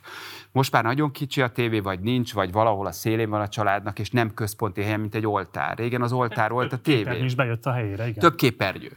Régen maga tényleg, a, a, amit mondok, hogy a tévé volt az oltár. Ez így volt. Minél nagyobb, minél látványosabb, hogy meg tudja mindenki mutatni, hogy mekkora tévé. Ez a funkció szerintem már nincs a tévének? Én szerintem más, átalakult. Szerintem a tartalomfogyasztás változott meg nagyon. Nagyon fragmentálódott a piac, nagyon szétesett, miközben csetelsz és, és telefonozol, a közben stream szolgáltatókat nézel, a közben konyhafőrököt nézel, a közben nem tudom, szombatesti lázat, ha akarod magad kínozni. Tehát, hogy ö, ö, egy csomó olyan dolgot, ami, ami, ami, ami, tehát átalakult a szokás. A tévé nem tűnt el, sokan tévéznek még, máshogy tévézünk. De visszatérve a Balázs sorra, hajlamosak azért ezt a műfajt egy kicsit leszólni, vagy lenézni, vagy, vagy nem szeretni, miközben elképesztő mennyiségű ember nézte. És azért én azt hiszem, hogy egy kereskedelmi vállalkozás, egy tévé, ami alapjában profitorientáltan működik, az azt csinálja, amit megnéznek. Könnyű azt mondani, hogy milyen műsort csináltatok. Amikor 50-60 százalékos serek voltak, az azt jelenti, hogy az éppen akkor tévénézők 60 százaléka ült le megnézni egy Mónika vagy egy Balázsót. Szóval, hogy azért egy kereskedelmi tévének nagyon fontos, hogy ráérezzen arra a mentális állapotra, amilyen országban működik. Akkor a talk show nagyon nagy divat volt. Nagyon szerették az emberek. Azért jöttek el fura módon, sokszor én is éreztem rajtuk, mert hittek abban, hogy a tévének probléma megoldó ereje van. Hogy én bemegyek, ha én ott elmondom, ha szembesítem a feleségem, majd akkor a Mónika segít, majd a Balázs megoldja, majd együtt megoldjuk. Van, amikor sikerült. Ez egy azért azt Nem feltétlen, nem feltétlen. Voltak azért nekünk komoly műsoraink, voltak olyan felismerések, voltak olyan bevallások, voltak olyan helyzetek, amik lehet, hogy segítettek. Nem ez gondolom. Nem feltétlen oldja meg. Olyan is volt, aki a busz megállóban már verekedett újra, és én néztem őket, hogy srácok, ezért nem volt értelme, de volt de azért. hatás remél egy televíziós szerepléstől, az mindenképpen meg van tévesztve. Ha nem is feltétlenül általatok, de akkor saját maga által. Tév, de várjál, azért úgy szocializálódtunk, hogy akkor azért egy M1-ből, egy közszolgálati, egy mindenható tévéből mentünk át a kereskedelmi tévéből, még hittük, hogy megoldja a problémánkat. Még azt gondoltuk, hogy ha oda bemegyünk, az majd segít. De attól Nyilván az emberek erre ez. rájöttek, hogy nem. Tessék? De attól ez még illúzió volt. Lehet, lehet, hogy illúzió volt. Én nem tudom. Ez egy, ez egy, ez egy formátum, egy délutáni népszerű talk show, ezt csinálják Amerikában, ezt csinálják Ázsiában, ezt csinálják Németországban, furamódon csinálják egyébként Nyugat-Európában, amit az akkori RTL nagyon megérzett, ráült erre a vonatra, sokan próbálták másolni, nem ment. Én azért megmondom őszintén, kicsit szerettem azt a világot, tudod, szerettem azt a fajta tévézést, én bírtam, hogy délután lehet bunyózni. Szóval, hogy én nekem az egy őszintén világ volt. Ma már mindenki megsértődik mindenen, ma már mindenre nagyon kell vigyázni, ma már nincsen, és egy kicsit szerintem valahogy az egész világ hazugabb lett. Ez egy Politikai őszint... korrektség kivégezte a Balázsot? Ez egy, tessék? Nem, nem feltétlen, nem feltétlen én végeztem ki a Balázsót. Tudtam, hogy sose tudom utolérni a Mónikát, aki 3500-at csinált meg, én meg csak 1300-at, tehát ő, ő, őt soha nem lehet utolérni, és szerettem volna már valami más csinálni. A Móni még ment egy ideig, mi abba hagytuk, nekem elég volt. De valószínűleg aztán a politikai korrektség is leszámolt volna a műsorral, vagy az NMHH, ami akkor még ORTT volt. A legnagyobb büntetés az volt, hogy elfeketedett az RTL. És ki volt írva, hogy az ORTT, nem tudom, Sebestyén, vagy Balázs adása miatt feketét adott az RTL. Ültem és hívogattam a verémet, hogy nézd meg, fekete van az RTL, ezt én csináltam. És mindenki ült, ah, de durva, fekete van az RTL, és ezt te csináltad, gratulálunk, úristen. Ma meg már kimondod azt a szót, A főként a TV2-től. Tessék? Főként a TV2. Még így is nézettebbek voltunk, képzeld el délután. Volt, hogy a feketét többen nézték, mint a velünk együtt párhuzamosan futó Barbara sót. Tehát, hogy azért önmagában milyen erős a brand. Leült, bekapcsolt, és azt mondta, te asszony, nem megy a tévé. Mi van ott? Mit látsz? Fekete. Nem baj, hát jön a Balázs, várjunk. És vártak. És nem jöttem, 60 percig fekete volt, de azt mondták, mindegy, most már nem jön a Balázs, jön a Mónika, maradunk. És akkor maradtunk, megvertük feketével a, a TV2-t. Jó, Barbara show volt, tehát hogy azért önmagában nem biztos, hogy nehéz volt, de, de, de, de nem tudom, hogy a politikai korrektség számolt le vele, vagy hogy, hogy miért lett pontosan vége. Valahogy azért a műfaj is elfáradt, valahogy azért ez egy kicsit elkezdett kifutni, és aztán így a szappanoperák, meg minden más azért az így jobban beszivárgott délutára. Szerintem ez egy műfai elfáradás volt, ami minden országban egy kicsit elfáradt. Amerikában és Németországban is ilyen típusú tóksókat már nem csinálnak. Visszatérve azért a vendégekre, hogy azt általában azért el lehet mondani, hogy általában vagy fiatalkorúak voltak, vagy olyanok, akiknek a kulturális, szociális tőkéjük nem feltétlenül volt nagyon erős. Tehát, hogy nem nagyon láthattunk mondjuk, nem tudom én, mondjuk több diplomásokat, nem nagyon láthattunk. De miért is kellett volna ebben a műsorban? Csak ezt mondom, hogy alapvetően nyilván azok az emberek tudtak itt megjelenni, akiknek nem nagyon volt más lehetőségük az érvényesülésre, a figyelemfelkeltésre és így tovább. Tehát nyilvánvalóan szomjazták azt, hogy valami fajta elismerést, amit ez a műsor tudott adni nekik, hiszen nyilván rengetegen nézték, megadja. Csak nem biztos egyébként, hogy amit ők feltételeztek, hogy mit kapnak a műsortól, azt a műsort valóban képes volt nekik megadni. Erről mit gondolsz? Nézd, én nem tudom, hogy az ő utóéletük aztán milyen lett. Én nem tudom, hogy ők milyen indítatással jöttek be sokszor, mert nekem azért arra nem volt lehetőségem, hogy mindenkivel egyenként beszéljek előtte-utána. Uh, nem tudom, akkor azért a Balázsó egy olyan brand volt, ahova menő volt eljönni. Tehát, hogy olyan erős volt a műsor, hogy oda mentek a szerkesztők Bárkez és Balázs, aztán oké, okay, jövünk, szeretjük a műsort, nézzük. Tehát az tulajdonképpen láttad, hogy itt mennyien tették fel a kezüket. Mondhatni kicsit túlva túlzás, hogy a popkultúra része volt. Az egy olyan erős bázis volt, annyian nézték, annyian szerették, hogy tök szívesen jöttek az emberek. Tehát nekem nincs ebbéli lelkiismeret furdalásom. Mindenki tudta, hogy hova jön és miért jön, hogy, hogy, ott, hogy ott mi történik. Aztán, hogy utána neki az életében mi változik, vagy hogy, vagy hogy az életével utána neki milyen fordulatok vannak, hát ezt már nem tudom, hogy kereskedelmi tévének ez lehetősége, vagy elvárható része, hogy utána ezt, ezt lekövesse. Szóval nagyon népszerűek voltunk, nagyon, nagyon szerették a műsort. Mi hát, is nagyon szerettük Volt-e vörös vonal abban, hogy mi az a vendég, vagy ki az a vendég, akit már nem engedtek adásba? Nagyon sok ilyen vörös vonal volt, persze. Tehát, hogyha valaki az elején visszalépett, ha valakire rájött. Visszaléphetett? Volt lehetőség? Volt, persze. Azt persze. fenyegették perrel a szerződéstől való elállás miatt? Ö, nem. Tehát, hogyha nekünk bejön egy szereplő, aki ö, be van feszülve, aki rosszul érzi magát, aki, aki, aki nem akar megszólalni, akkor az nem jó nekünk, nem jó a sztorinak, nem jó a műsornak. Tehát azért ez kell, hogy valaki akarja elmondani a problémáját, kell, hogy, hogy megpróbáljuk együtt megoldani. Ha valaki bejött és nem szólalt, meg nem tudunk vele mit csinálni. Tehát ilyen, ilyen, ilyen nem volt nem is volt feladatunk, ha valaki láttuk, hogy olyan állapotban van, akár szellemileg, akár fizikailag. Tehát ezzel azt gondolom, hogy egy, egy pontot nem léptünk túl. De nyilván talkshow csinálunk, tehát ezért ezt a helyén kell kezelni. Ez egy olyan műfaj, hogy belefért az extrémitás, belefért az, hogy egy 60 éves kalauz hazajön egy hamburgi szexkiállításra, és elmondja a feleségének, hogy olyan dolgokat látott, amit ki akar rajta próbálni. És a 72 éves nénike így ült a fal mögött, és végighallgatta, hogy a kalauz megvilágosodott egy hamburgi szexkiállításon. Hát nem szebb világ, ahol erről őszintén lehet beszélni, és aztán elmegy a fal, és aztán megbeszélik egymással. Nekem ez az őszintesség azért a mai világban egy kicsit hiányzik. Eltűnt ennek a, De ez a bája. volt, vagy gyakorlatlanság? Tehát annak nem a tudom. a hiánya, hogy ez milyen utóéletet tud majd egyébként nyerni? Nem, nem tudom, nem tudom. Lehet, hogy akkor azt gondolták, hogy ha nem tudom ezt otthon megbeszélni. Fura módon nagyon sokan jöttek azért, hogy nem merem, vagy nem akarom, vagy nem tudom otthon elmondani, de majd a tévében megoldjuk. Úgyhogy én nem tudom igazából, hogy ez, ez, ez pontosan mi volt, vagy mi lehetett. Van, akinek sikerült, van, aki megoldást talált. Szóval, hogy...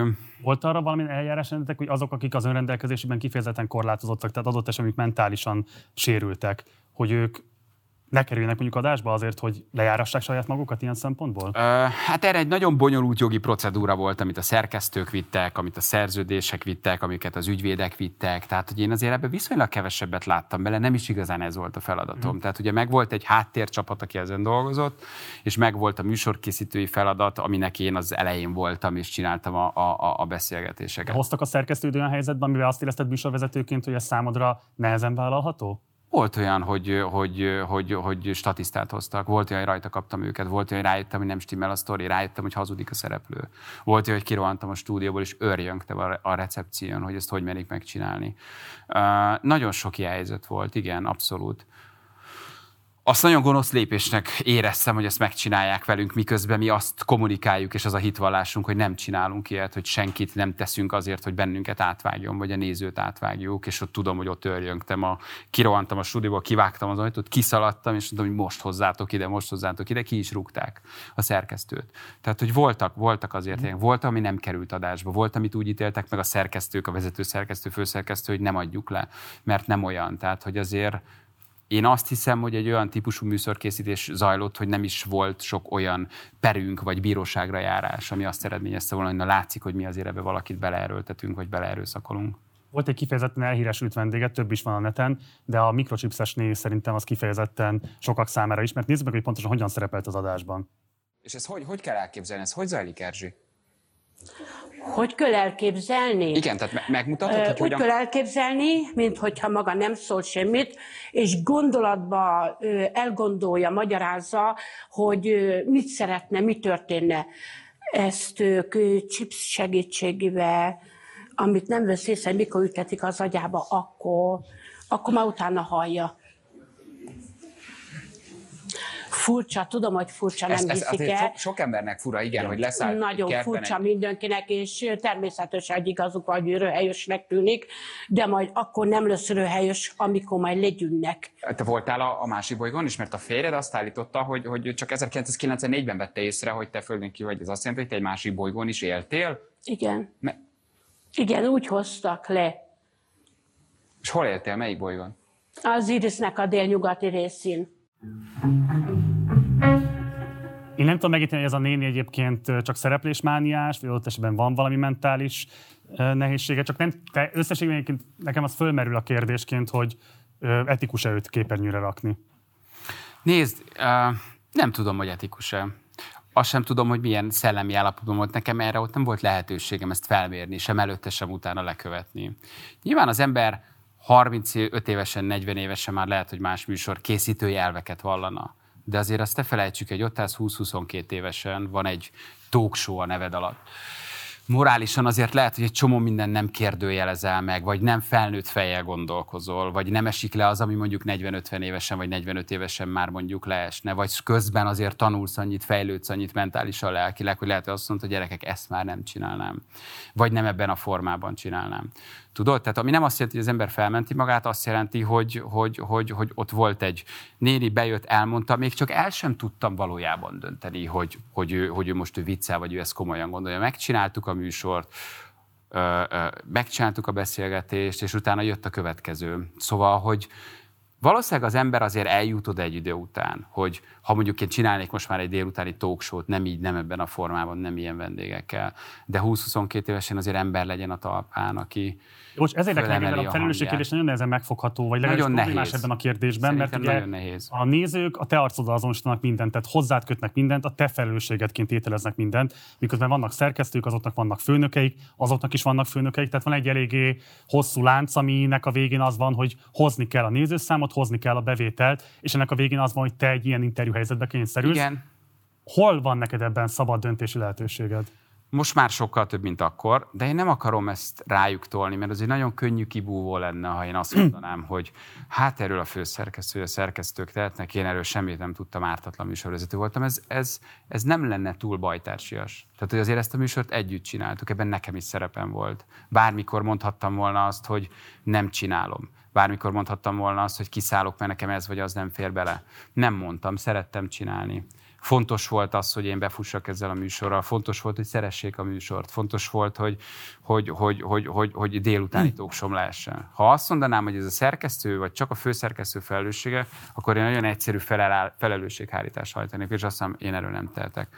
Azt tudom már, hogy mostani szerkesztési elveim szerint, vagy a mostani fejemmel nem csinálnám. Az én helyzetem ott volt, hogyha föl tudtam mérni, vagy láttam, hogy olyan el, el helyzetben van, vagy olyan mentális állapotban, vagy annyira nem beszámítható, vagy ne adj Isten, mentálisan, amit az ember mondjuk 22 évesen fölismer, hogy, hogy a, beteg, vagy, vagy, vagy, vagy szellemileg valami nem oké, akkor azt mondom, hogy gyerekek, álljunk meg, és ezt ne csináljuk. Ö, Volt ilyen pont, amikor azt mondtam, hogy ne csináljuk. Leálltunk. Nem is került adásba, nagyon nagy balhé lett belőle, hogy hogy került oda, kihozta, de ennek van egy menete. Kik voltak a researchök, a szerkesztők, egyáltalán hogy tudott ő odáig eljutni, hogy beüljön. De azért ez egy közös történet volt, szóval, hogy én ezt, ezt nem akarok ezelől kibújni, sem felmenteni magam. Okay. Igen, azért csináltuk, mert szerettük csinálni. Hogy aztán ennek az etikai határa most visszanézve hol volt, nyilván, nyilván nagyon sok kérdést felvet. Hogyan látod a viszonyodat a Mónika Sóval? Pontosabban a műsorodnak a viszonyát a Mónika Sóval. Ezek egymás után futottak. Mi volt igazából a leosztás? Mi egy fiatalos, kicsit könnyedebb, kevésbé a probléma megoldása koncentráló, de azért azt is próbáljuk megoldani, humorosabb, lazább talkshow voltunk. A Móni nagyon beleállt, nagyon mondta, nagyon térített, nagyon meg akarta oldani a problémát. Mi csak szimplán szórakoztatni akartunk. Nekünk az volt a hitvallásunk, hogy üljön le a néző, érezze jól magát és, és, és csináljunk egy, egy, egy jó műsort. Kicsit legyünk lazábbak, kicsit legyünk fiatalosabbak, kicsit legyünk láss, mint a Móni, aki utánunk jön, és ott azért jóval több bunyó, jóval több feszkó, jóval több nehéz családi sors, dráma, minden van, mi egy picit próbáljuk ezt így könnyedebbre venni. Tehát ezek voltak a szerkesztési elvek. Korosztályban is nagyon máshova lőttünk, vagy lőtt az RTL. Tehát egy fiatalabb nézőközönséget akartunk bevonzani. A Móni azért máshova volt célozva piacilag. Azt mi okozta, hogy a Mónika Show-ban azért Szemla Balázs show igen szélsőségesen szegény ellenes és kifejezetten cigány ellenes adások is lementek, ahol ugye te is utaltál erre, hogy a fogak száma az hogyan alakult és hogyan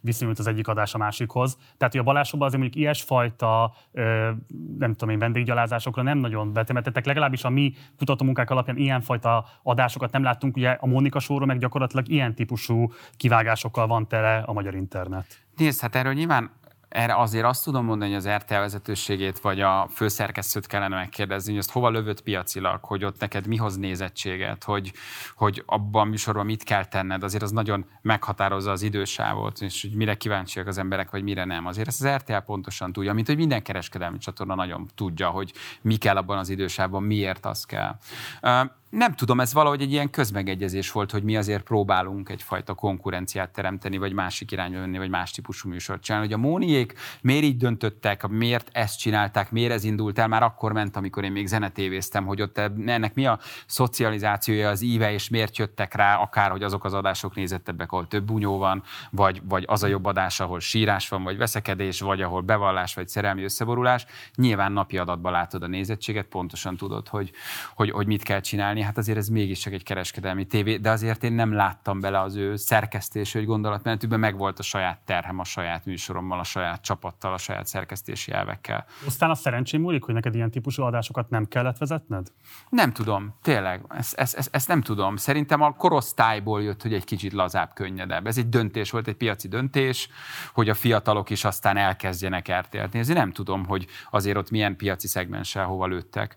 Ez egy szerencsés élethelyzet volt. Én azt valószínűleg nem is tudtam volna így abban a formában csinálni. Tehát, hogy azért ehhez kellett a Móni, aki ezt, ezt csinálta. Um, én valószínűleg szerencsésebb voltam, hogy egy ilyen élethelyzetbe csöppentem, hogy egy fiatalosabb, könnyedebb, lazább, több röhögős, nagy nevetős showműsort csináljunk. Ezért szerette az ország nevetett rajta, szóval hogy ezt nem kell szerintem túldrámázni. A Móni meg direkt ment el a nagyon komoly irányba.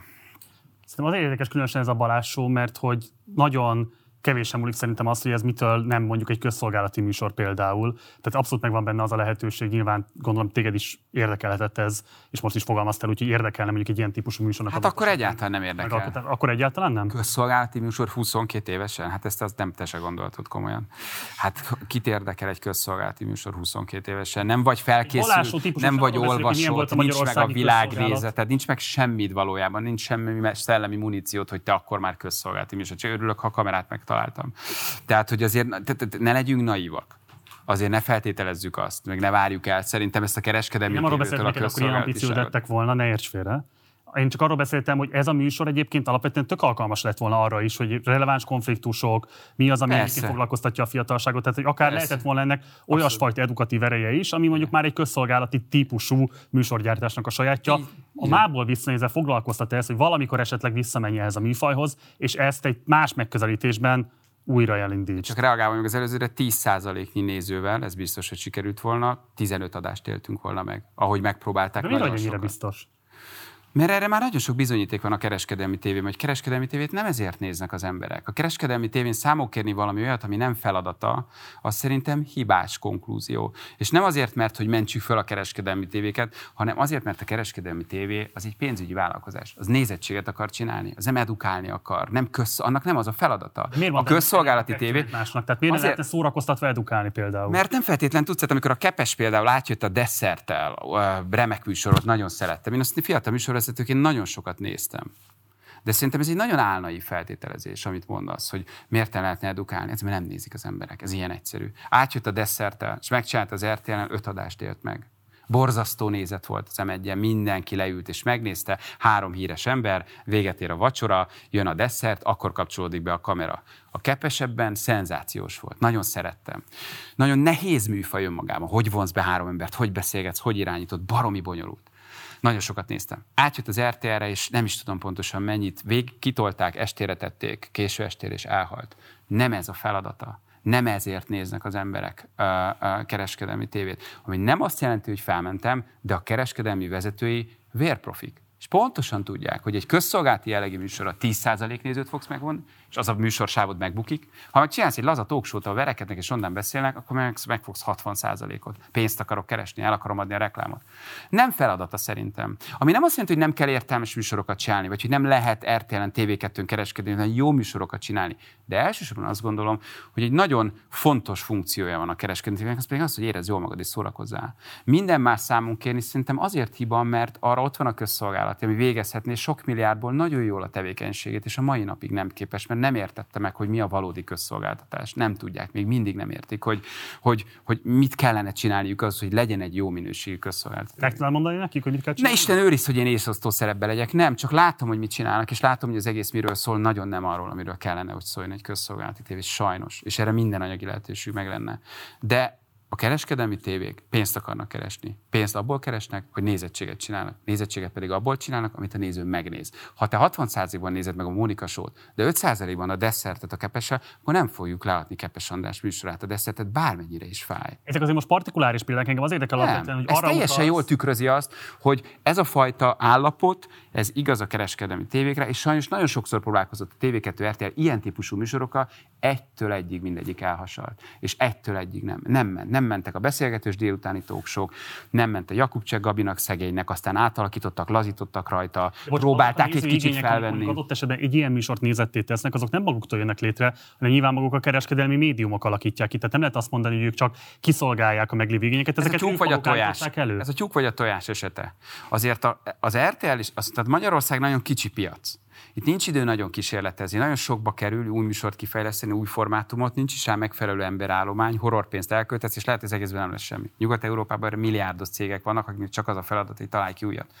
Kicsi piac, pontosan látjuk, hogy mi működik Nyugat-Európában, Európában, és ezeket a modelleket vesszük át. Szóval hogy ezek nem RTL-es tévéket és agyszülemények, hanem egyfajta szocializáció, hogy ezek a típusú műsorok megérkeznek ide. És aztán a néző ezt kiválasztja és nézi. Tehát ez a győzike show, ugye én nem nézem. Senki nem nézi. Győzike, fú. De közben mindenki látta. Két és fél, három milliós nézettsége volt. Tehát akkor azért nem mond nekem, hogy, hogy azért vala, ennek nincs úgy létjogosultság, hogy miért kell győzikesót adni. Tőlem is. Nem Miért kell? Miért kell? nem, várj, Azért, bocs, ezt, néz, félreértesz, ezt nem nézik meg támadlak az kérdésben. Nem, nem, nem, csak mondom. Győzikét sem támadom, engem csak érdekel az a kérdés, hogy miközben mindenki arról beszél, hogy a, a kereskedelmi tévék szórakoztatni akarnak, és ezzel el van intézve az, hogy akkor egyébként a műsorkészítés az egy intellektuális tevékenység is. Igen, csak érdekel az, hogy miért van az alapvetésként elfogadva, hogy a szórakoztatás és az információ átadás az egymást kizáró. Nem biztos, azért a-. Tehát bocsáss meg, ha mondjuk egy olyan büdzséből készülhetne Magyarországon egy olyan közszolgálati műsor, tudom, hogy most nem tud készülni, de olyan büdzséből, mint mondjuk egy nem tudom, szombatesti tánc, vagy bármilyen más nagyszabású showműsor 100 milliókból olyan reklámköltéssel, akkor feltétlenül egy-két példa után lehetne, nem zárom ki, hogy lehetne egy olyan formátumot létrehozni, ami egyszerre közéletileg releváns, informatív, és közben meg halálosan szórakoztató is. Lehet, nem tudom, hogy kinek hol van a határ, nem tudom, hogy a néző mennyire befogadó. Azért a Fridi is próbálkozott ilyen típusú műsorokkal nagyon sokszor, hogy azért egyszerre szórakoztató legyen, informáljon, talkshow csinált, beszélgetéseket. Tehát, hogy nem, mondom, én nem azt mondom, hogy felmentem, én csak azt mondom, hogy pontosan tudjuk, hogy a nézői befogadó képessége azért az meddig tart, és ha már egy kicsit azért lehet, hogy gondolkodni kell, vagy több mindent beletenni, vagy agymunkát, megnézik, de már egy sokkal kevesebb közeg, egy sokkal kisebb réteg. Minél több nézőt akar a tévé, a kereskedelmi tévé érni, minél nagyobb tömegeket, minél több reklámot eladni. Ez, egy, ez, egy, ez mindig egy, ez egy tyúk vagy a tojás eset, hogy azért adjuk ezt, mert ilyen szellemi állapotban van az ország, vagy azért van ilyen szellemi állapotban az ország, mert ilyenek a kereskedelmi tévék. Szerintem az ország szellemi állapotát a kereskedelmi tévék rovása érni megint csak önbecsapás és felelősséghárítás. Ilyet nem mondtam. Nem, csak mondom, hogy ez az általános sztereotípia a kereskedelmi tévé. Ja, azokat most hagyjuk el, nem azért vagy itt. Engem az érdekel, hogy a te rosszul feltételezem, hogy a te műsorkészítői personádat és műsorkészítői fantáziádat szerintem mozgatná egy ilyen típusú műsornak a létrehozattal. Ezt rosszul feltételezem? Nem feltételezed rosszul, de annyira kielégít a rádió, az egy napi műsor készítés, ahol én ezt pont kiélem, amit mondasz. Remek szerkesztőkkel, remek csapattal, remek tímmel, a napi műsorkészítés minden csínyát binyát. Semmiféle vonzódásom nincs, hogy újra kamerák közé üljek. Jól, ha hülye hangzik most egy ilyen műsor, vagy itt ülök.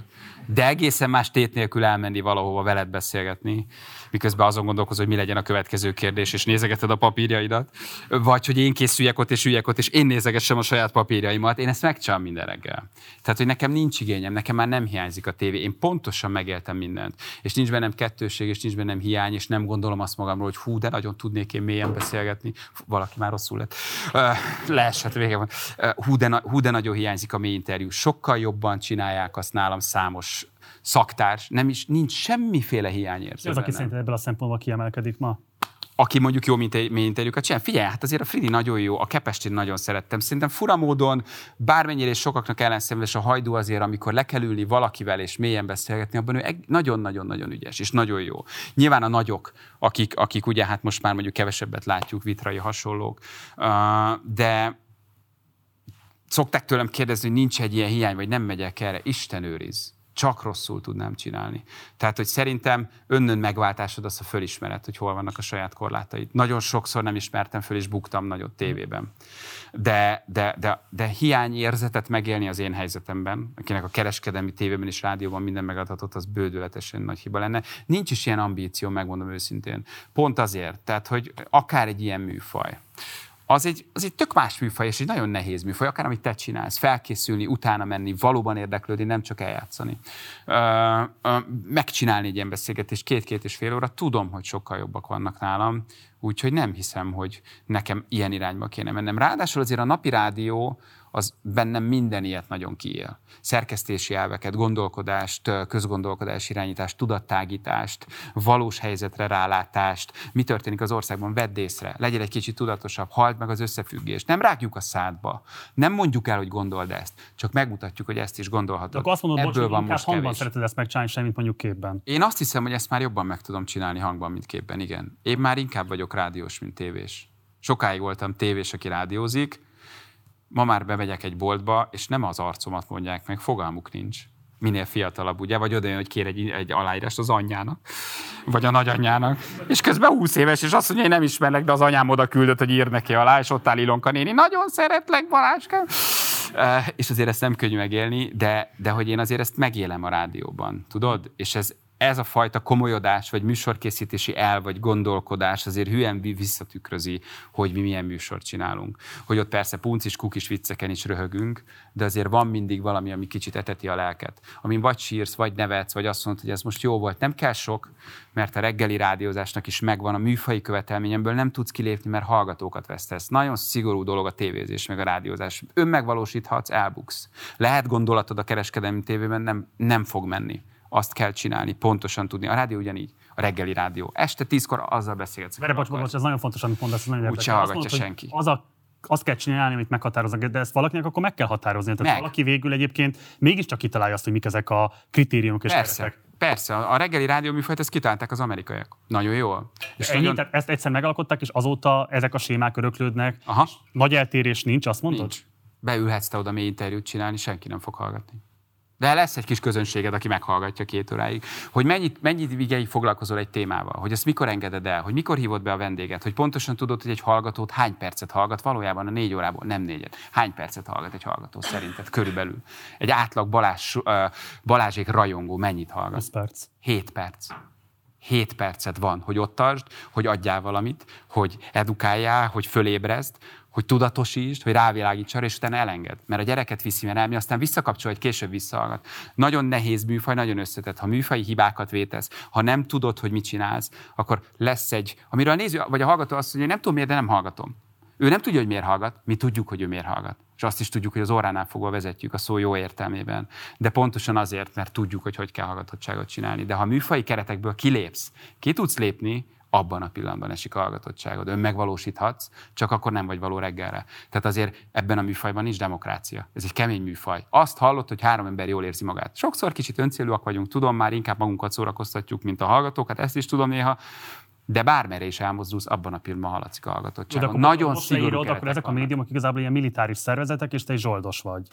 Én szerintem egy kicsit szigorúan fogalmazol. Ahogy is mondhatnám, hogy egy professzionális műsorkészítő, aki elvárja az emberektől azt, hogy azt csinálják, amit kell, érezzük jól magunkat, de tudjuk, hogy műsort készítünk, és szolgáljuk ki azt az egymillió embert. Ez nem működik úgy, hogy mindenki össze-vissza beszél, hogy mindenki szana szétszalad, hogy senki nem hoz döntést, hogy ennek a produkciónak nincsen feje. Tessék? A kettő között nyilván vannak átmenetek. Abban van átmenet, hogy hogy csinálod, abban van átmenet, hogy mennyire addiktív a hatalom, hogy abban van átmenet, hogy te hogy bánsz a saját stábtagjaiddal. Igen, hogy ez egy műhelyi munka legyen, egy alkotó munka. Lehetsz te egy fasz, ma most nem úgy értem, bocsánat, és utálhat itt mindenki, és lehet, hogy azt mondják, ez a Marci egy jó gyerek, jó vele dolgozni. Érted? Tehát, hogy, hogy, hogy, hogy, hogy nagyon, nagyon, nagyon fontos, hogy, hogy hogy kommunikálsz, de a reggeli műsorkészítés nem demokratikus elvek alapján működik. Mit csinál a rezonőr? Mit csinál a másik műsorvezető? Kizárja a megszólást, kihozza be a témát, milyen témát hozol be? Ha reggel hétkor komoly témád volt, mit csinálsz másnap, hogy nyered meg a nőket? De akkor van egy komoly hierarchia. Férfiakat. Van, persze. Abszolút. Alkotóközösségnek is, hogy tekinted legyen. a Rádió egyes tábodat? Tessék? Alkotóközösségnek tekinted a Rádió egyes Nagyon, persze. Hogyne. Én vagyok, aki a végén dönt. Nekem kell döntenem, nem dönthet más. Mert én vagyok az egyes típusú műsorvezető, aki ott ül az két rezonőrrel szembe, aki reagál arra, amit mond. Nem is tudod kiengedni. De befogadok mindent. Meggyőzhető vagyok, dolgozom együtt a szerkesztőkkel, nagyon jó szerkesztők, ügyesek, hoznak témákat, de valakinek reggel ki kell mondani, hogy mit csinálsz. Sőt, már előző nap ki kell mondani. Ha mindenki csak bedobál, akkor abból nem lesz műsor. Illetve lesz, csak, csak elenyésző hallgatottsággal. De ez nem baj. Tehát ez más, amikor diktatúra van. Tehát nem arról van szó. Minden megbeszélünk, de tudjuk az irányt, és műsort készítünk. Ez nem játszótér. Még ha annak is tűnik, és a hallgatónak ennyi a feladat, érezze jól magát, hallgasson bele. De azért ez egy komoly meló, ami ott folyik. Még ha sokszor nem is hallatszik rajta. Az elmúlt 15 évben számos rádiót kihúztak alólad. Bárhol mentem, az megszűnt. Igen, és ezeket általában mindig piaci okokra hivatkozva szüntették meg, miközben nyilvánvalóan mindegyik politikai okokból szűnt meg.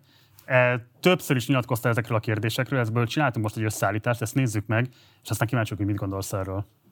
Annyira belefolyt valami olyan dolog az életünkben, nekünk műsorkészítőknek, amire egyáltalán nem számítottunk szerintem az utóbbi pár hónapban vagy pár évben, és nem szabad így tekinteni ránk senkire egyébként. Professzionális műsorkészítők vagyunk, azért dolgozunk, hogy szolgáljuk a nézőket, és nem azért, mert ide vagy oda tartozunk. Tudjuk, hogy kinek a tulajdona volt ez a rádió, hogy kivel veszett össze. Ugye Sibics Kalajosról beszélek, és Orbán Viktorról. Szerintem ezeket ki lehet mondani, azt, hogy ez a rádió miért nem folytatódhat, pedig folytatódhatott volna. Ennek is megvan az oka, azért erre nem kell nagyon mélyre ásni. Köszönöm szépen az RTL-nek, hogy, hogy hagynak dolgozni. A közszolgálat nem volt alternatíva, bármennyire is szerették volna. Um, mi azt gondoltuk, hogy, hogy jelen pillanatban ott a műsor, és ezt a műsorkészítési szabadságot és készítési szabadságot nem tudják nekünk abban a formában garantálni, amit a Morning Show jelent. Én nagyon drukkolok a TV2-nek, hogy ez egy rossz álom, és előbb-utóbb el fog múlni, csak tartsatok ki, jó? Köszönöm szépen mindenkinek, köszönöm. Ugye, amikor a Klassz fm megszüntették, akkor arra hivatkoztak, hogy a te műsorod többször is megsértette a különböző szabályozásokat. Azt Persze, rám kenték. Azt jól sejtem, hogy ez az, ami a legjobban fölcseszte az agyadat ezek közül a történetek közül? Uh, az, hogy rám kenték, azt tudtam, hogy rám fogják az, ahogy a végén különböző strómanok, meg amerikai üzletemberek velünk elbántak, és hogy az emberekkel bántak, az sokkal inkább. Tudtuk, hogy vége lesz. Pontosan tudjuk, hogy miért lett vége.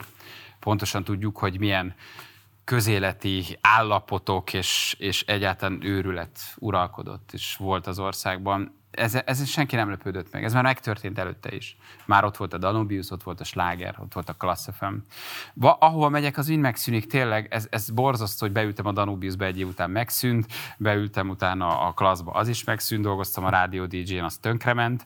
Tehát, hogy most még így a rádió egy, egy viszonylag egybe van, de én már olyan vagyok, mint egy ilyen kessei, hogy megjelenek, akkor annak a rádiónak vége lesz. Az bántotta, hogy az emberekkel elbánnak, ahogy hazudnak, ahogy nem mondják ki, hogy mi történik, ahogy kommunikálnak, az sokkal inkább de ekkor mi már azért harcezrettek voltunk, nem lepődtünk meg semmi. Az, hogy rám kenik, az csak egy csatározás része volt, amiben mi ott álltunk középen. Pontosan tudtuk, hogy ránk fogják kenni, de valódi tétje akkor már nem volt, ez a rádió sokkal előbb elvesztette a frekvenciáját. Úgyhogy tudtuk, hogy meg fog szűnni, igazából nem volt nagy meglepetés. Ha az embereket szemétkednek, vagy csúnyán bánnak, az sokkal jobban tud fájni, vagy, vagy ha bántják a stábtagot, vagy minket, vagy igazságtalan dolgokat állítanak, vagy hazudoznak, azon az, az nagyon tud fájni az ellen harcolok, azt nem hagyom, vagy hogy bárkit a stábunkból bántsanak. Mi egy olyan stáb vagyunk, akik a Danubius rádióta együtt megyünk, nyolcan vagyunk, együtt csináljuk a műsort, soha senkit nem engedtünk el, visszahoztuk, ben van a stábban. Nekem nagyon fontosak a saját embereim, a saját kollégáim, az a tím, aki ezt építi.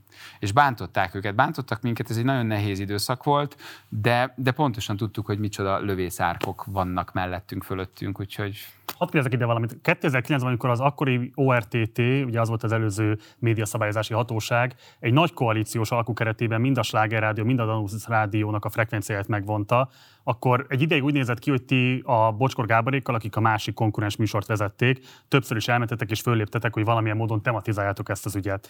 Nekem az a megítélésem, hogy az egy lélektani pillanat lehetett a harmadik magyar köztársaság média iparában, amikor két egyébként konkurens, éles konkurencia harcot vívó médium vezető arcai közösen állhattak volna ki azért, hogy ezt a nagy koalíciós szemétkedést megállítsák.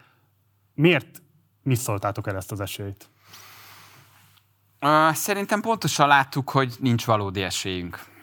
Nektek? Nem volt akkor már semmiféle Balázs, a legnézettebb semmi... és a leghallgatottabb arcai voltatok ennek az országnak. Mennyi minden történt azóta, ami nem számított, mond meg nekem. Egy rádió. Hát mennyi minden. Mennyi minden a Sláger Rádió mellett. Mi nagyon, más, hogy, mi nagyon más, hogy kommunikáltunk. Tehát azért a két műsor, két kommunikáció között volt azért egy nagyon nagy különbség. Az pedig az volt, hogy mi azt mondtuk, hogy gyerekek, nem tudjuk, hogy mi lesz nem tudjuk, hogy tudjuk-e folytatni. Nem hergeltünk, nem uszítottunk, nem dudáltattunk senkit autóval, nem mondtuk azt, hogy, hogy Ennyi, ennyi. Azt mondtuk, hogy gyerekek, ez a helyzet. Ez van. Azt lehet, hogy nem folytatjuk. Vége van. Éljük meg jól. Olyanok voltunk, mint a Titanic hegedűsei. Végig hegedültük az egészet, és, és még az utolsó pillanatban is szórakoztattunk. A Gáborék nagyon más úton mentek. Ők dudáltak. Azt hitték, vagy naívak voltak, vagy tudatosan akartak valamiféle szimpátiát kelteni. Nem tudom, hogy ennek van bármiféle jelentősége. Ha túlértékeled magad ebben a világban, akkor egy picit nagyobbat fogsz csalódni. Nem szabad a saját helyzetünket túlértékelni, nem vagyunk annyira fontosak, valójában senki. Egy média munkás és egy rádió vagy. Olyanok, mint a Truman Show-nak a végén, hogy az emberek nézik, neki megy a hajó a, a, a, a, a, a, ugye a, a, a falnak, véget ér a Truman Show, ülnek a szobába, a fürdőkádba, gondolkoznak még egy kicsit, vagy kikapcsolják a tévét, vagy elkapcsolnak. Ha ezt tudod magadról, ha tudod, hogy egy mulandó dolgot csinálsz, hogy bármikor eltűnhet, akkor nem fogsz hozzá görcsösen ragaszkodni, és nem is lesz benned félelem. Ez egy ilyen iparág. Sajnos, ez így van. Műsorokat, tévéműsorokat, rádióműsorokat húzhatnak egyik pillanatról a másikra alatt. Nem vagyunk mindenhatók. Ez tudomásul kell venni, ez fontos, mert akkor kerülsz a saját helyedre. Ha elhiszed rohadtul pofára sem. Ez világos, csak itt volt. A Gáborék nagyon dudáltak. Nem volt, soha nem volt szövetség. Nagyon, lehetett volna. Nagyon nagy harc volt. Lehetett volna. Lehetett volna, de mi akkor nem akartunk velük menni. Mi nem, nem. Miért, miért nem voltatok szolidárisak? Nem tudom. Szolidárisak voltunk, de hogy nem elmondtuk, hogy nagyon drukkolunk, hogy nagyon rem, hogy remek emberek dolgoznak, hogy reméljük, hogy mindenki munkát talál. Tudtuk, hogy, hogy, hogy, hogy, hogy arra kell mindenkit bíztatnunk, hogy lehetőség szerint legyen rádió, legyenek jó műsorok. Tehát ez nem így van, hogy mi bárkit csermajtunk. Nem mondtuk azt, hogy gyerekek, gyertek dudálni, és akkor tüntessetek, és akkor hú, de jó lesz. Nem hittünk benne. Azt gondoltuk, hogy hegedűsök vagyunk, akik zenélnek, hogy most ez a feladatunk, és nem az. És tudod utána három hónap múlva átülni ugye egy rádióba, hogy te dudáltál, hergeltél, és azt mondtad, hogy pokolba az egészet, dögöljenek meg, majd beülsz oda, amit adnak, az jár valamiféle értékcsökkenéssel.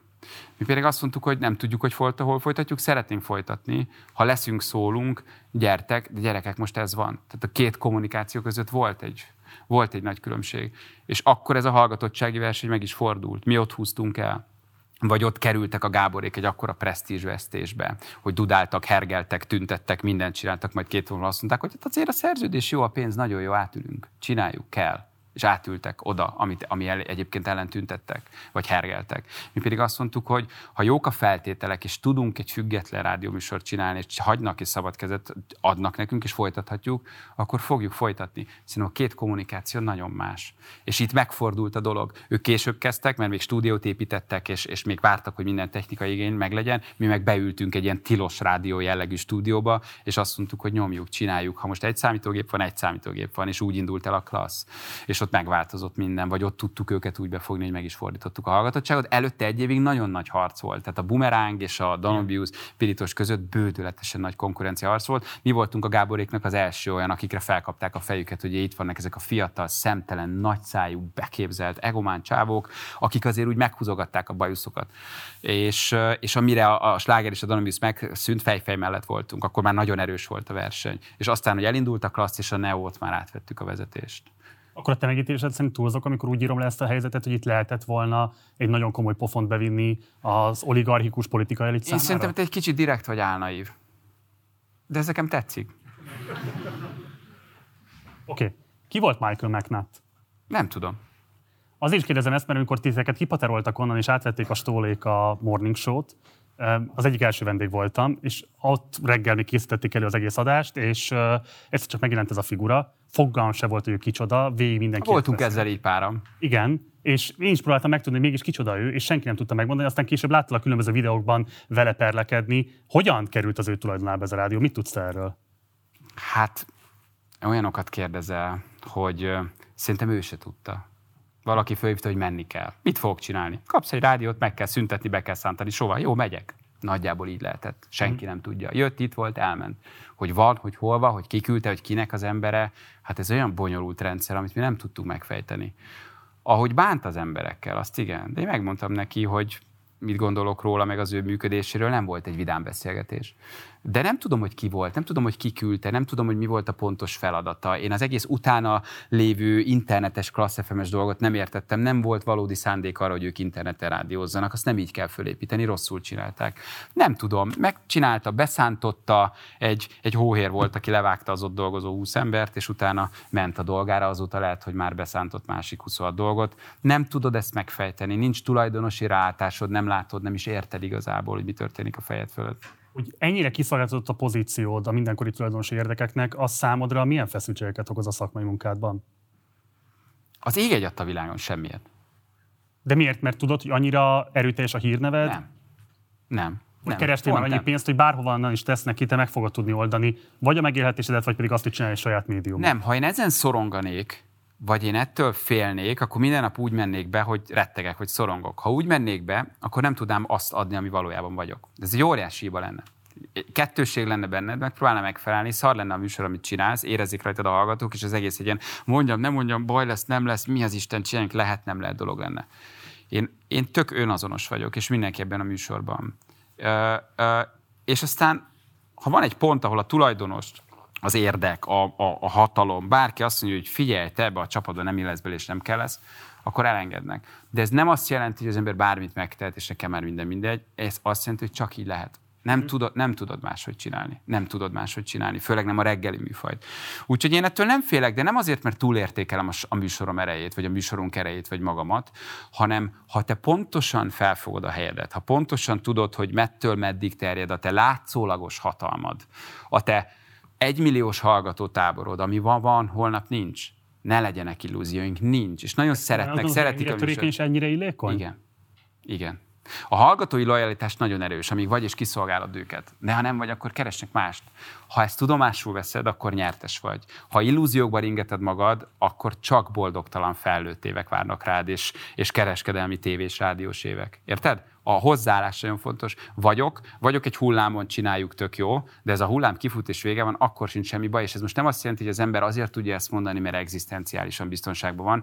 Nem ez a fajta könnyedség, ami most beszél belőlem, hanem az, hogy csak így lehet igazán jól csinálni. Abban a pillanatban, hogy kapaszkodsz, szorongsz és megfelelsz, abban a pillanatban oda van az a lelkiség, amiért mi oda minden nap beülünk. Inkább menjünk egy hónap múlva, de legyen úgy, hogy felállva azt mondjuk, hogy gyerekek, eddig tartott, tök jó volt ez a 12 év, mint így menjünk be, hogy akkor ú, most akkor, akkor mi lesz, tudod? Nem lehet.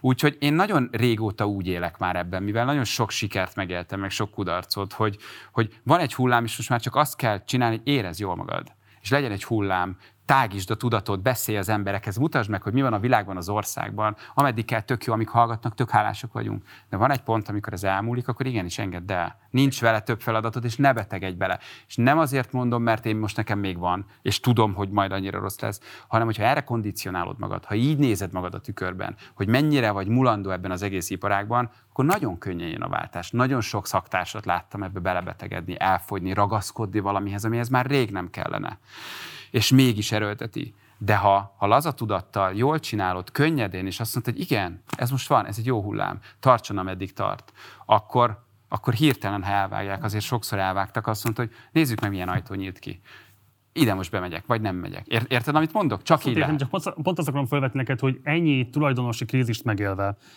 az, hogy részben egyébként producere is vagy a saját műsoraidnak, és elindult egy olyan irányba, hogy tulajdonosi jogokat is gyakorolj, tehát hogy ne legyél kiszolgáltatva mindig a mindenkori tulajdonosnak, nem foglalkoztat az a kérdés, hogy saját médiumot gründolj? Nem igazán, de ennek valószínűleg az az ok, hogy azért a napi műsorkészítés olyan színű energia, hogy most nincs erőm. Látok nagyon sok rossz tartalmat a YouTube-on, ami szintén uh, elriaszt, és, és nagyon kevés igazán jó tartalmat látok. És én azt gondolom, hogy csak akkor csinálj tartalmat, ha tényleg tudsz tartalmat gyártani. És ma nagyon sokan félreértik a tartalomgyártást. És Mi nem a félreértés tárgya? Nem, nekem nem tartalom a magánélet például. Nem tartalom, nem tartalom, hogy megyek valahol és mutogatom a családom, vagy a gyerekeimet hiszti közben, hogy sírnak, hogy ül a WC-n, hogy, hogy, azt, hogy úgy csinálok tartalmat, hogy nincs valódi tartalom. Nem t- döntő többsége ezt csinálja. De ez nem igazi tartalom. Ezek a gyerekek egyszer felnőnek, ezek a gyerekek egyszer le fognak ülni az anyukáik, és azt fogják mondani, hogy anya, miért csináltad? Hogy miért adták ki? Hogy miért mutattad meg a hisztimet, hogy miért bántál velem így, hogy én erre nem adtam engedélyt. Szerintem például a család és a gyerek egy klíma alatt, egy Playstation játék mellett valahol az nem valódi tartalom. Önnön magam uh, sztárolás, hogy jó apa vagyok, jó anya, like gyűjtés, kiszolgáltatva, odadobva a saját gyerekemet, eladva egy pe- csomagpelenkáért, eladva egy játékkonzolért, eladva egy klímáért. Nem tartom valódi tartalomgyártónak, csinálja, ki akarja, én nem őket semmi, a gyereket sajnálom. Ez a gyerek, ez felnő. És olyan kiszolgáltatottá, és olyan sebezhetővé teszed, hogy az élete hátra részében komoly neurózist okozol ezzel szerintem ezek az odadobott, használt és kihasznált gyerekek. Miről szól? Te nem a gyerekednek gyűjtöd a lájkokat, te magadnak gyűjtöd és igazolod saját apaságodat vagy anyaságodat azért, hogy fú, de jó vagy, milyen jó apa vagy. Kinek kell igazolni? Azt hiszem, hogy annak, aki valójában egy kicsit belül bizonytalan. Tudod? Tehát, hogyha te tisztában vagy önönszülőségeddel, szerepeiddel, és te ezt jól csinálod, akkor nem rakod ki a saját gyerekedet, nem kell megerősítés, nem kell görcsös ráerősítés arra, hogy fú, de jó szülő vagyok, hatan odaírták, hogy de jó apa vagy, biciklizel a gyereket, de mindenki biciklizik. Én még valamikor unom is, de megyek, mert akar tekerni, és biciklizem. Nincs ezzel baj, hogy imádom. Őt ülök a Balaton mellett, és horgászunk, hogy fogj már egy nyombat halat, csak legyen már valami.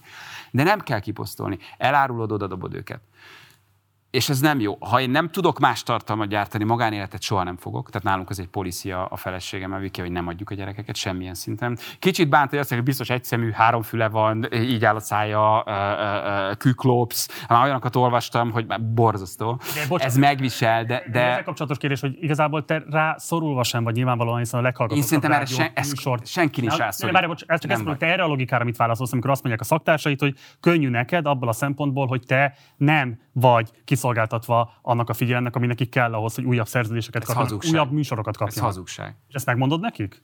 De ki vagy? Miért, miért kell nekem megmondanom? Oda megyek, és azt mondom, láttam a gyerekes posztodat, gyere csak ide. Na hát akkor fia, úgy gondolom, hogy a gyerek, de hogy Nem hogyha előkerül ez egy vitában. Hát találkozom vele, és megkérdezi a véleményét, nagyon szívesen, csak nem szokták megkérdezni. De tökre megértem, én sem kérdezem meg más véleményet. Ezeken nincs bajom. Szerintem ez hazugság.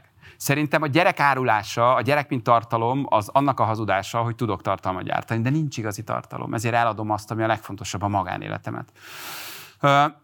Úgyhogy, úgyhogy ez, ez nekem nem, meg mondom a rádió miatt nem, de érdekes azért az internet itt van, valahogy látom, hogy kereskedelmi tévés arcok hogy mentik át magukat kisebb-nagyobb sikerrel az internetre, és ez tök jó, és van, aki jó tartalmat gyárt, de nem érzem hiányát. Szóval, hogy nem feltétlen baj, ha az, az internet úgy hal meg, vagy én úgy halok meg, hogy én oda már nem tudtam átmenni magam. Attól nem tartasz, hogy magam. ha ugye te, te fogalmaztad, hogy illékony ez a nézőközönség, vagy hallgatói bázis, hogyha lenne egy nagyobb krach ilyen szempontból a szakmai pályafutásodban, akkor te is oda kerülni, hogy komolyan fölmerül az a kérdés, hogy a hallgatottságod, a nézettséget fenntartása érdekében megszegd ezt a fontos erkölcsi útmutatást. ha látsz engem slime-ot készíteni a gyerekemmel, felhívhatsz, és elmondhatod, hogy Balázs, azt mondtad nekem egyszer egy műsorban, hogy nem fog slime-ot készíteni a gyerekkel, és most látom, hogy ott állsz a konyhába, papucsba, és slime-ot készítesz a gyerekkel.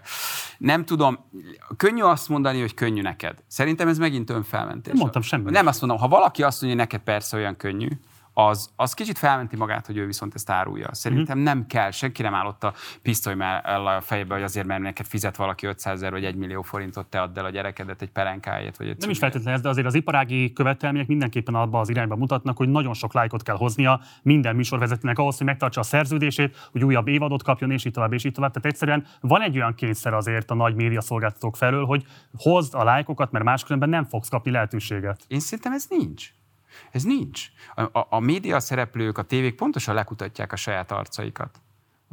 És nem feltétlenül azt hiszik, hogy ki mennyi lájkot hoz. Milyen népszerű a műsor, milyen nézettsége van, milyen az ismertsége, de azért az nem csak a, az online platformokon keresztül jön. Tehát ezen sztárok mellett nem állott Kolosi Péter és Fischer úr a másik oldalról, hogy posztolj, posztolj, mert ha nem posztolsz, akkor nem tudom, mi lesz, de hogy is nem.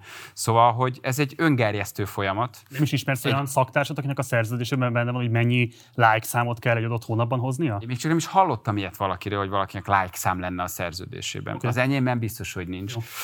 De szerintem azért ez nem jellemző. Az, hogy milyen a megítélése, hogy mennyire tehetséges, hogy mennyire tud a hátán elvinni egy nagy show műsort, az sokkal inkább azért mérföldköve annak, hogy, hogy ki milyen megbízást kap hosszú távon rövid ideig kaphatsz dolgokat, de azért, ha nem vagy arra képes, hogy jól oldjál meg egy tévéműsort, egy főműsoridőt, akkor azért olyan sokszor nem fogod megkapni, ha neked egy millió követőd van. Lehet abból 900 ezer pakisztáni, teljesen mindegy a Facebookon, vagy 500 ezer Instagram követőd. Ha téged leraknak főműsoridőbe, és nem tudod, hogy melyik kamerában nézél, nem tudod megoldani, és nem vagy jó, akkor tök mindegy, hogy mennyien szeretnek, megfognak és kiemelnek. És ez szerintem azért így jó, hogy van ebben azért egy öntisztulás, hogy nem tudod állni bárki, mert nem képes erre bárki. Ahogy mi sem vagyunk képesek arra, hogy megcsináljunk más típusú tévéműsorokat.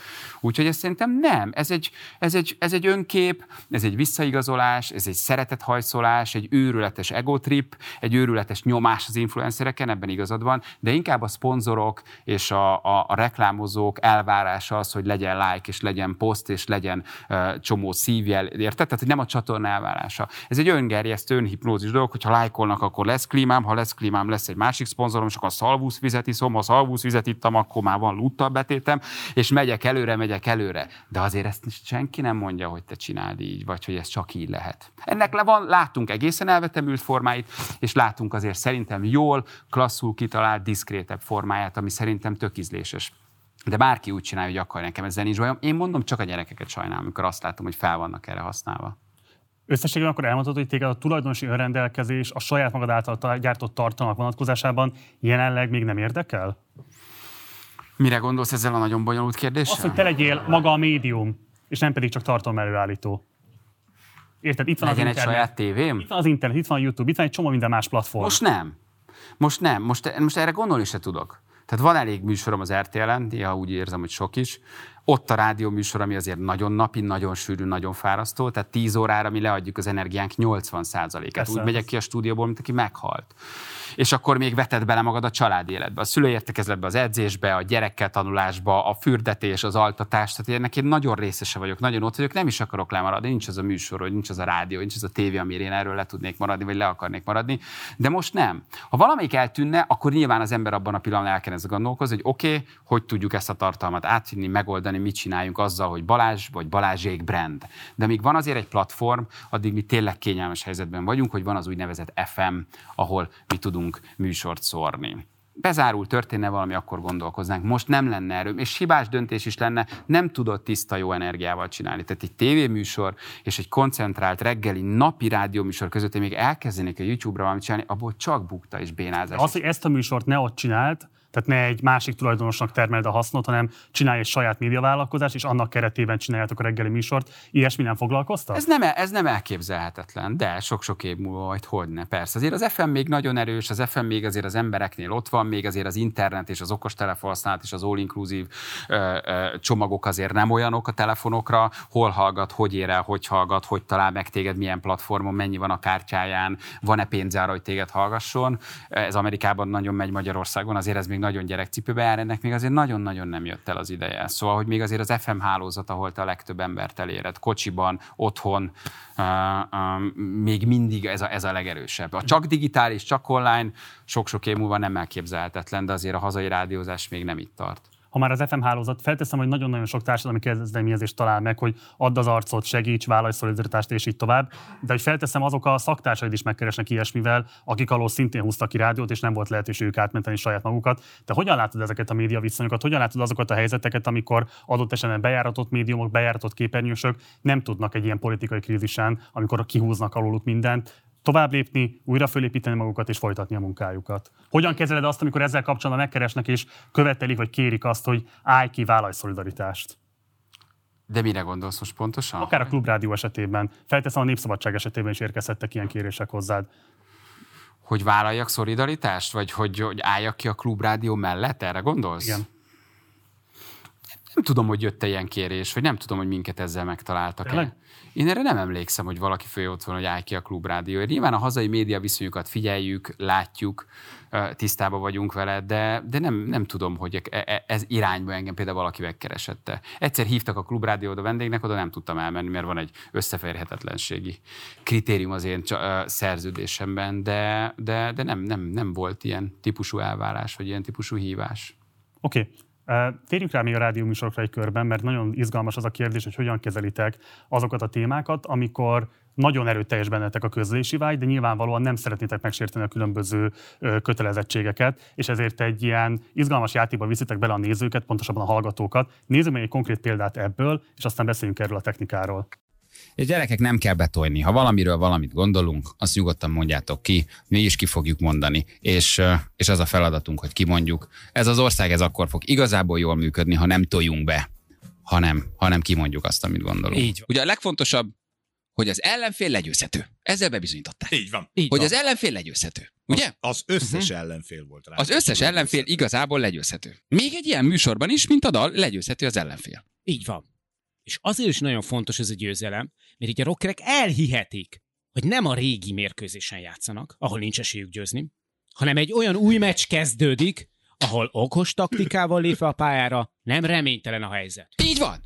Mi történt? Miért ez? fontos ez a győzelem, Igen? hogy most nyertek a metárajongók? Uh-huh. Mert a saját érdekeiket háttérbe szorítva, lemondva egyébként az egyéni lehetőségekről végre összefogtak, és egy emberként szavaztak.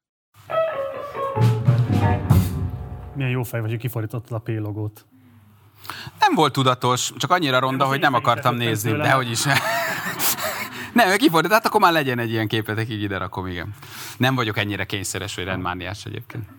Ne, ez jó fejség volt szerintem, vagy én úgy értékeltem, de mindegy. Nem volt tudatos. Jó. Nem adom el a kreditet, ne aggódj hogy ez a második bejátszás, ez 2018. januárjában készült, amikor a hódmezővásárhelyen váratlan győzelmet adott Márkizai Péter, és ez nem várt módon egybeesett egyébként a dal magyarországi döntőivel, és ti a dal köntösébe bújtatva beszéltetek a politikáról. Egyébként ezt számtalanszor szoktátok használni azt a technikát, hogy nem politizáltok nyíltan, de azért elég egyértelműen e, kifejtitek a nézeteiteket. Ugyanakkor vannak olyan kérdések, amiben egyáltalán nem finomkodtok, tehát akár mondjuk a menekült válság kapcsán e, álltál ki és intéztél elég egyértelmű szózatot a néphez, illetve most a belorusz válság kapcsán augusztusban is és most is nagyon egyértelműen megszólaltál. Mi alapján döntöd el, hogy mi az, amikor kicsit ilyen rejtjelezettebben kommunikálsz, vagy kommunikáltok, és mi az, amikor teljes nyíltsággal elmondod, hogy mit gondolsz egy esetről? Én nem hallottam politikát, ez egy Eurovízió volt talán. Mondani, Úgyhogy én érdekes, hogy te miket látsz bele megszólalásokba, és miket hallasz. Lehet, hogy a te agyad azért nagyon erre van ráva. Um, igazából figyelj, amíg az ember önazonos, vagy amíg az embert hagyják dolgozni, addig, uh, addig a legjobb. Én nem mérlegelek úgy, hogy mit lehet és mit nem lehet. Ha engem érdekel az, hogy ezer, ötezer, tízezer ember éppen ott fagy meg Európa szíve mellett, központjában, a lengyel határnál, és van egy őrült elmebeteg, aki itt van Európa szélén, a másik oldalról, és tolja oda ezeket az ártatlan embereket, akkor én erről csinálok egy beszélgetést. Ha valaki azt mondja, hogy ne csináljak, azzal sincsen semmi baj, csak akkor azt mondom, hogy akkor eljövök. Bocs, ha konkrétan ezt mondták volna a mostani munkáltatóid a Rádió egynél, akkor fölálltál volna? Ha azt mondják, hogy ez a lengyel beszélgetés, ez nem mehet le, nagyon meglepődtem volna, mert nincs benne olyan semmi, amitől félni kellene. Egyébként nem mondják. Ha most ez a lengyel beszélgetés baj lett volna, akkor igen. Mi nagyon-nagyon szabad kezet kapunk és kaptunk az Endi alatt is, a mostani tulajdonosokkal is. Nagyon nem kell senkivel egyeztetnünk az adásmenetet, nem kell átküldenünk, nincs fe, olyan főszerkesztő, aki azt mondja, hogy ezt lehet és ezt nem. Nincsenek itinerek. Ez a helyzet ez az volt, hogy mutassuk meg az embereknek, hogy valójában mi történik. Járjuk körbe. Mi történik a lengyel határon? Hogy hozzák ezeket a menekülteket? Honnan hozzák? Kik ezek a menekültek? Migránsok? Terroristák? Ha bejönnek, akkor itt mindent fölrobbantanak, és akkor mindennek vége vagy ártatlan emberek, akiket kihasználnak, és oda visznek a határhoz, hogy lépése kényszerítsék az uniót, gyerekeket, nők, hogy hogy lehet az, hogy ma Lengyelországban az Európai Unió határánál ártatlan gyerekek, felnőttek, nők fagynak úgy meg micsoda politikai játszma zajlik itt, hogyha az Unió enged, vagy kell engedni, vagy humanitárius szempontból mit mond az Unió, ami azért olyan elvei vannak, olyan gondolatisága, olyan több száz éves hagyományrendszere. Nem az Uniónak, Európának, ami azért arról szól, hogy a keresztény értékek, hogy az emberi élet, hogy a segítségadás, hogy ez hol van, hogy kell engedni, vagy nem. És fölhívtunk egy tudósítót, pont a HVG tudósítóját, aki ott járt, és azt mondom, hogy ez a csávó kell. Tök jó. Elméletben el lehet mondani, szerezzünk valakit, aki ott volt bejelentkezett. De, de nem... Közszolgálat. Uh, hát most hívd, ahogy akarod, szerintem nem Hát fel... most ebben mi a szórakoztató elem? Nem, nem, nem azt akarom mondani, hívhatjuk közszolgálatiságnak, hívhatjuk a szórakoztatáson belül egy komolyabb témának, ami ugyan nem szórakoztatás, de ettől a műsor nem veszíti el jellegét. Nem az a lényeg, hogy te rihíröhözzél négy órát. Az a lényeg, hogy adjál valami olyan szellemi, érzelmi muníciót, amikor egyszer nevet, egyszer sír, egyszer egy kicsit kinyílik a világra, és azt mondja, ja, tényleg ez történik? Na, nem ezt hallottam, nem így olvastam, nem ezt tudtam, nem ezt kommunikálták, nem ez történt. alig fél órával ezelőtt emiatt, hogy ezt kértem, kérdeztem tőled, hogy hogyan lehet ezek között navigálni, és közben te ezt csinálod a rádióban. Tehát te próbálsz a Én nem szeretem ténylegesen ezt a közszolgálati szót. Név szórakoztatás mellett azért ezekkel a fajta figyelemfelhívásokkal, érzékenyítői, nem tudom, megnyilvánulásokkal is operál. Szerintem feladatod. Tehát téged érdekel mindkettő? Érdekel, feladatod, ha mikrofon mögött ülsz, és megvan az a lehetőség, akkor mutasd meg azért azt is a piki, pisis, kakis, puncis poénok mellett, hogy közben mi történik e, e, Európa szélén. De ez, ez egy egyéni érdeklődés. Adásban kezelni? Hogyne, persze, utána nem tudom, elárverezett vibrátorokon, vagy beszorult péniszem, vagy nem tudom, mi nevettünk már, hogy ne kell is. Ha komoly témát csinálsz, oldanod kell. Ki kell belőle hozni, aki esetleg ott maradt. Erre megvannak a technikák, hogy komoly tém után nem csinálsz még egy komolyat, mert elsírja magát, elha, és, és megöli magát, és nem kapcsol vissza. Uh, hogy az hogy oldod, hogy egy komolyba hogy viszed bele, hogy hogy vezeted föl, ezek mind nagyon pontos technikák arra, hogy ő csak azt érezi, hogy egy hullámvasúton van. Nem tudja pontosan, hogy mi az addikció lényege, de érzi, hogy addiktív. Én tudom, hogy én hol kapom el, és én tudom, hogy én mitől tudom őt megfogni, de nem manipulálni, csak megnyújtani azt az időt, amit ő rádióhallgatással tölt. Ez egy önös érdek. Neki jó, nekem is jó. De ebbe kell, hogy beleférjenek témák. Tehát, hogyha van egy négy órás platformod, ha van, nem tudom, 180 perced, bárhány perced arra, hogy azért te egy millió emberhez elérjél, akkor igenis neked 45 évesen már feladatod az ezzel a fejjel és ezzel a ha kereskedelmi tévés múlttal, hogy elérjél oda, hogy nem elég a rihiröhi. De nem azért adjuk, mert ez piaci szempont és hallgatottság, azért adjuk, mert van bennünk egy ilyen vágy, hogy ezt meg akarjuk mutatni. És lehet, hogy tizen elkapcsolják, és azt mondják, hogy azt hittem, ma lesz kakis téma. Hülyék vagytok, rohadt migránsok, elkapcsolom, dögöljetek meg. Fidesz bérencek, vagy nem éppen, nem tudom, soros bérencek, tök mindegy. De lehet, hogy tizen azt mondja, hogy nagyon kell kell, hogy tudjam, tök jó, köszi, érted? Tehát amennyit lehet, hogy elvesztesz, közben azért annyit behozol. Úgyhogy szerintem ez feladat minden jó érzésű műsor készítőnek, hogy ezeket a problémákat beemelje és megmutassa. És megpróbálja objektíven, ami nagyon fontos, nem ilyen vagy olyan úton megközelíteni, és ezt vagy azt mondani, vagy manipulálni, hanem ez a helyzet, ez történik, mi lehet ennek az oka? Mit csinál Lukasenko? Miért csinálja? Milyen érdek van? Hogy akarja zsarolni az uniót? Miért zsarolja egyébként? Mi lesz ezekkel a menekültek? Hova viszik őket? Hogy van az, hogy ma az unió azt mondja, hogy fagyjatok meg? Nem tudunk beengedni benneteket. Igaza van az uniónak, hogy nem engedi be? Valójában közben igen. Milyen nehéz helyzet. Ha beengedek tízezret, ötezret, még elindul százezer. Nem tudunk beengedni mindenkit, nem is lehet. Baromi érzékeny helyzet, baromi érdekes műsorkészítői fejjel is, hogy mi fogja ezt feloldani. Közben ott van Putyin, aki meg azt, hogy igen, csináljuk, segít Lukasenkának. Tehát nagyon összetett helyzet. És ha van egy ember, aki azt mondja, igen, ott voltam, beszéltem egy kurdal, aki egyébként az iszlám állam ellen veletek harcolt, akár a törökökkel, vagy az amerikaiakkal, és most ott váratjátok a kerítésnél, és nem engeditek be, és lehet, hogy megfogy a gyereke, akkor annyit tudok tenni műsorkészítőként, hogy megmutatom, hogy aki más narratívát hall, vagy aki, vagy, aki, vagy aki gondol valamit, vagy van egy előélete, vagy előítélete, az egy kicsit felnyissa, tudatosodjon és rájöjjön, hogy, hogy lehet, hogy itt valami egészen mást történik, mint amit elhitetnek, vagy gondolok, vagy kommunikálnak, vagy bármi, vagy amit a szomszéd mond. Igen, ez feladat, tehát ezt csináljuk, de nyilván ez az érés folyamat, amit mondtam, hogy 22 évesen te hogy beszélgetsz valakivel egy szereplővel, és aztán mondjuk 45 évesen hogy készítesz műsort. De ez kell a stáb, ez ott vannak a szerkesztők, az ő tanácsaik, az ő javaslataik, ez nem egy egyszemélyes agyszülemény, ez egy nyolc emberes összetett szövet, egy érzelmi háló, ami mi ezt együtt csináljuk. És lehet, hogy nem én veszek észre valamit, de akkor ott az egyik kiváló szerkesztőnk, aki azt mondja, hogy foglalkozz vele, csináljuk meg, gyűjtsünk neki. Van most, van, ma csináltuk meg egy mentősrác, meghalt, három gyereket hagyott árván. Behozta, nem tudtam róla, nem ismertem ezt a történetet. Föl kell hívni. Fölhívtuk, az özvegy nem akar beszélni, rendben, akkor megyünk tovább. Ki tudunk megszólaltatni? Megszólaltatjuk a mentőst. Ó, ők éreztették újra a saját barátjukat. Ott maradt három gyerek, 10, 12 és 15 éves, egy eladói pénzből. Oké, mit tudunk csinálni? Föl tudjuk hívni a mentőst, el tudja mondani jól a történetet, és tudunk csinálni egy generálni egy társadalmi összefogást. Miért? Hogy egy kicsit az ember azt érzi, hogy tudtam adni, hogy tudtam segíteni, hogy tudtam beletenni 5 vagy 10 forintot, jó volt. Neki jobb lesz, hogy segít, a családon segítesz, és létrehozol egy olyan kollektív tudatállapotot, hogy kicsit úgy megy be mindenki a munkájára, hogy ez most jó volt. Valamit tettem, valamit hozzátettem, valamit kaptam. Tehát ez, ez váltja ki a, a, az addikciót, ettől lesz szerethető egy műsor, ebben van, ami hogy is mondjam, csak kis kuktánk, hogy ezt pontosan tudjuk, és ez nem önös érdek vagy manipuláció, de minél több embert, minél többféleképpen kell megfogni, és közben azért ez nekünk is lelkileg nagyon nagy kielégülés. Elolvas egy ilyen történetet, nem teheted meg, hogy, hogy átlépsz rajta, hogy behozol egy kakisírt, hogy nevessenek azon az emberek. Van társadalmi felelősséged, kell, hogy szerepet vállalj, kell, hogy kimond.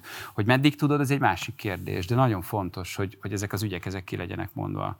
Az meg, hogy hagyják, valószínűleg hogy valamilyen szelep vagyunk, tök jó, hogy hagyják, én szeretem, azt mondják, hogy sok és nem kell, akkor meg elmegyünk, azzal sincsen semmi baj. De azzal a helyzettel mit kezdesz, és ez most az én megfogalmazásom, amikor kifejezetten szájzárral vesznek titeket, ugye a 18-ban a választások korán kettő hétre kényszer szabadságoltak benneteket, ugye. Ott... Ezt te honnan tudod, te ott voltál? Ez a kérdésem, hogy akkor pontosan mi történt. Dolgozol a rádiónál? Feltételezem, hogy itt volt ez a bejátszás. Útmezővásárhely és a dal környékén, amiben beszámoltál a Tánzal Fesztiválon tapasztaltakról. Volt-e bármilyen köze ennek, vagy esetleg más hasonló típusú műsoraitoknak abban, hogy ott hirtelen két hétre eltüntetek az éterből. Feltételezed, vagy tudod? Kérdezem. Kérdezed. De azt feltételezed. A kérdésemben, hogy mit olvasol ki, az már rajta van bízva. Tanulok. Mi minden, ápri... Mi minden áprilisban elmegyünk szabadságra. Minden áprilisban elmegyünk Én is. szabadságra. Minden áprilisban. Akkor van a gyereknek a tavaszi szünete. Valaki kitalálta, hogy biztos azért öntek, biztos elküldték. Olyan szintű a paranói, olyan szintű az őröd, elhallgattatták őket. Senki nem nézte meg, hogy egy évvel ezelőtt ugyanúgy elmentünk szabadságra. Ugyanúgy, ugyanakkor lehet, hogy egy hetet csúsztunk, mert valakinek más iskolájába jár a gyereke. Feltételezett, hogy azt mondják, hogy akkor most két hét alatti meg tudjátok, el tudjátok dönteni a választást, vagy hallgassátok, és visszajünk, és nem mondjuk azt, hogy gyerekek, elküldtek titeket, hát jó lenne, ha tudnátok, és egyébként ez történik. Igazából azt hiszem, hogy ez egy olyan én lennék Andy Vajna, vagy én Igen. lettem volna Andy Vajna, nyilvánvalóan nagyon szorongtam volna attól, hogy te mire fogod használni a műsorkészítői szabadságodat, úgy, hogy százezrek hallgatnak, az idézettséged elképesztően óriási, tehát nyilvánvalóan egy rejtjelezettebb jelzésed is adott esetben mozdíthat meg embereket. Akkor még az Andy volt, Andynél senki nem értette jobban a showbizniszt. Andy tudod, mit mondott? Mindig azt mondta, gyerekek, csináljátok, ez a dolgotok, mondjátok, amit gondoltok. Nagyon tudta, hogy mit kell kiálltunk a CEU mellett, azt mondta, fölhívtuk a CEU rektorát, elmondta, hogy mi történt, miért ez van, elmegy a CEU, nem megy el a CEU, érted, hogy történt meg, ha olyan nagy tiltás lenne, ha amiket elküldenének, akkor hogy ülnék még abban a rádióban, ha közben két héttel, nem tudom, az ominózus eset előtt kiálltunk a CEU mellett. Tehát a kettő nem fér össze hogy egyrésztől akarsz, hogy ennyien Szabira, de két héttel ezelőtt meg persze vátra ki a CEU mellett és maradj itt. És az Endi azt mondta, hogy csináljátok, ez a dolgotok.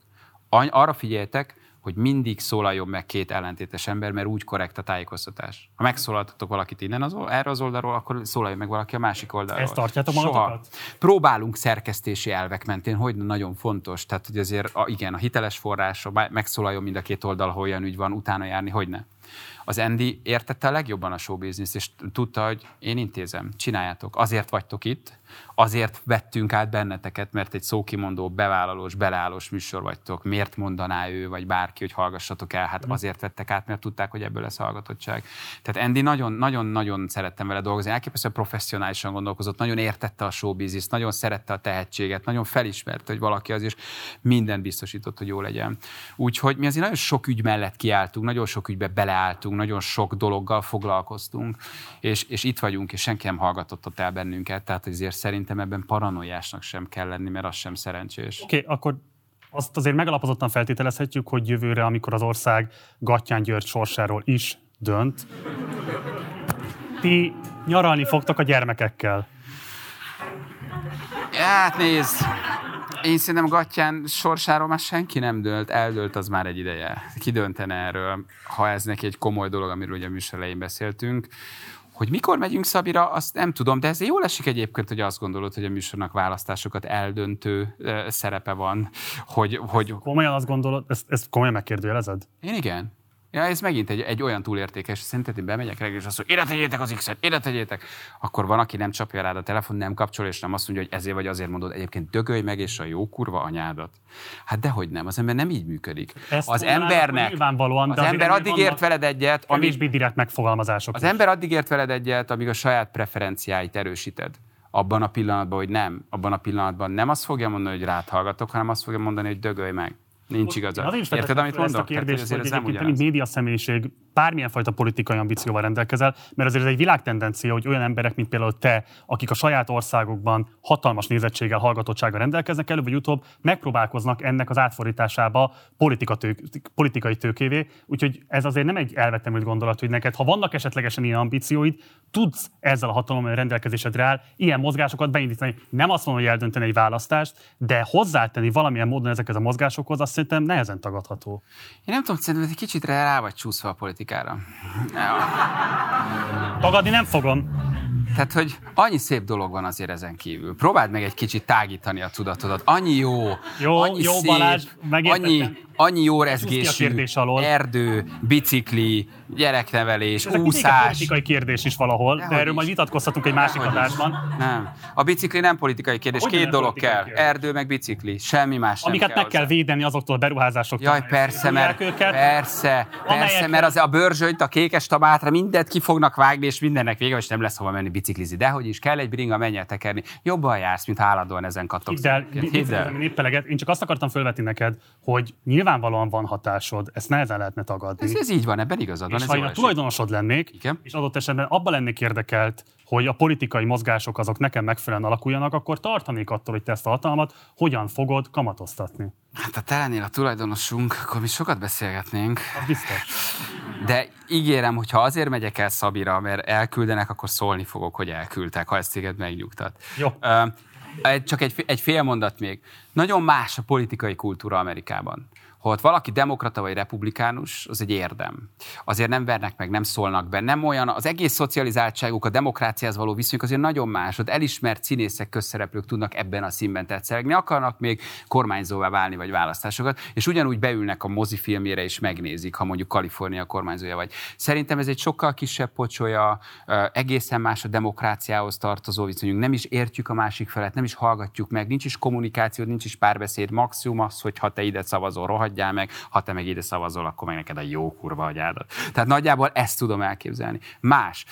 Én erre a közegre nem vágyom. Hülye lennék a saját mentális energiámat, a saját tudatállapotomat egy ilyen dologgal, mint a politika beszennyezni, odaadni, és szimplán egyszerű nettó hatalomvágyból megkeseredni és belenyomorodni abba a politikai attitűdben, ami van Magyarországon. Hogy te ezt ilyen lelkesen csinálod, és ezt te így bírod, ezért le a kalappal. De én, én, én valahogy nagyon másfelé megyek. Okay. A büdös életben nem fogok politizálni. Jó, ezt majd kivágjuk és eltesszük az utókorban. Nyugodtan, miért kell kivágni? Látod, ez a cenzúra, erről beszélek, ezt kivágjuk. Külön ez volt az, ja úgy, azt hittem, mondom, azt hittem cenzúráztok, meg el is mondom holnap a rádióban, hogy kivágjuk. Mi persze, a szerkesztő jóló, ismerlek, tudom. Visszanézem, hogy mi lesz benne. Anélkül nem is megy ki. Szóval van egy felvételünk még, amit szerettem volna bejátszani. Miért számítottam rá, hogy lesz még valami? Ugye a fehér orosz helyzet kapcsán először augusztusban, aztán most nem olyan régen megint uh, csináltatok egy adást. Nézzük meg, hogy hogyan beszéltél ki- kifejezetten erről a konfliktusról, és aztán szeretném megkérdezni valamiről pontosan a véleményedet. Hivatalos közlések szerint ugye 80%-ot szerzett a 26 éve hatalmon lévő Lukasenka. A kihirdetés után ugye tiltakozó megmozdulások, tüntetések, strá- sztrájkok sorozata indult Fehér Oroszországban. Elképesztő mennyiségű ember az utcán, te- te- te felemelő volt látni egyszerűen, tényleg szerintem mindenkit is a Szabi alatt azért ezt néztétek, követtétek. Közben hihetetlen rendőri brutalitás, közben kiengedett tüntetők, akikről már hírek vannak, hogy hogyan kínozták és verték össze őket a börtönben, de valami elképesztő ellenállás, és azt látod, hogy teljesen fegyvertelen, ártatlan emberek a sok évnyi elnyomás, és hát mondhatni tényleg valójában diktatúra után próbálnak kiállni azért, hogy valami változás legyen, és nagyon drukkolsz ennek, hogy ez az ország is azért megérdemelni, hogy valahogy ott ingázva az Oroszország és, és nyugat között azért végre kivívja a függetlenségét, és valahogy megpróbáljon újra, vagy hát életében először valódi demokráciát fölépíteni és abban élni.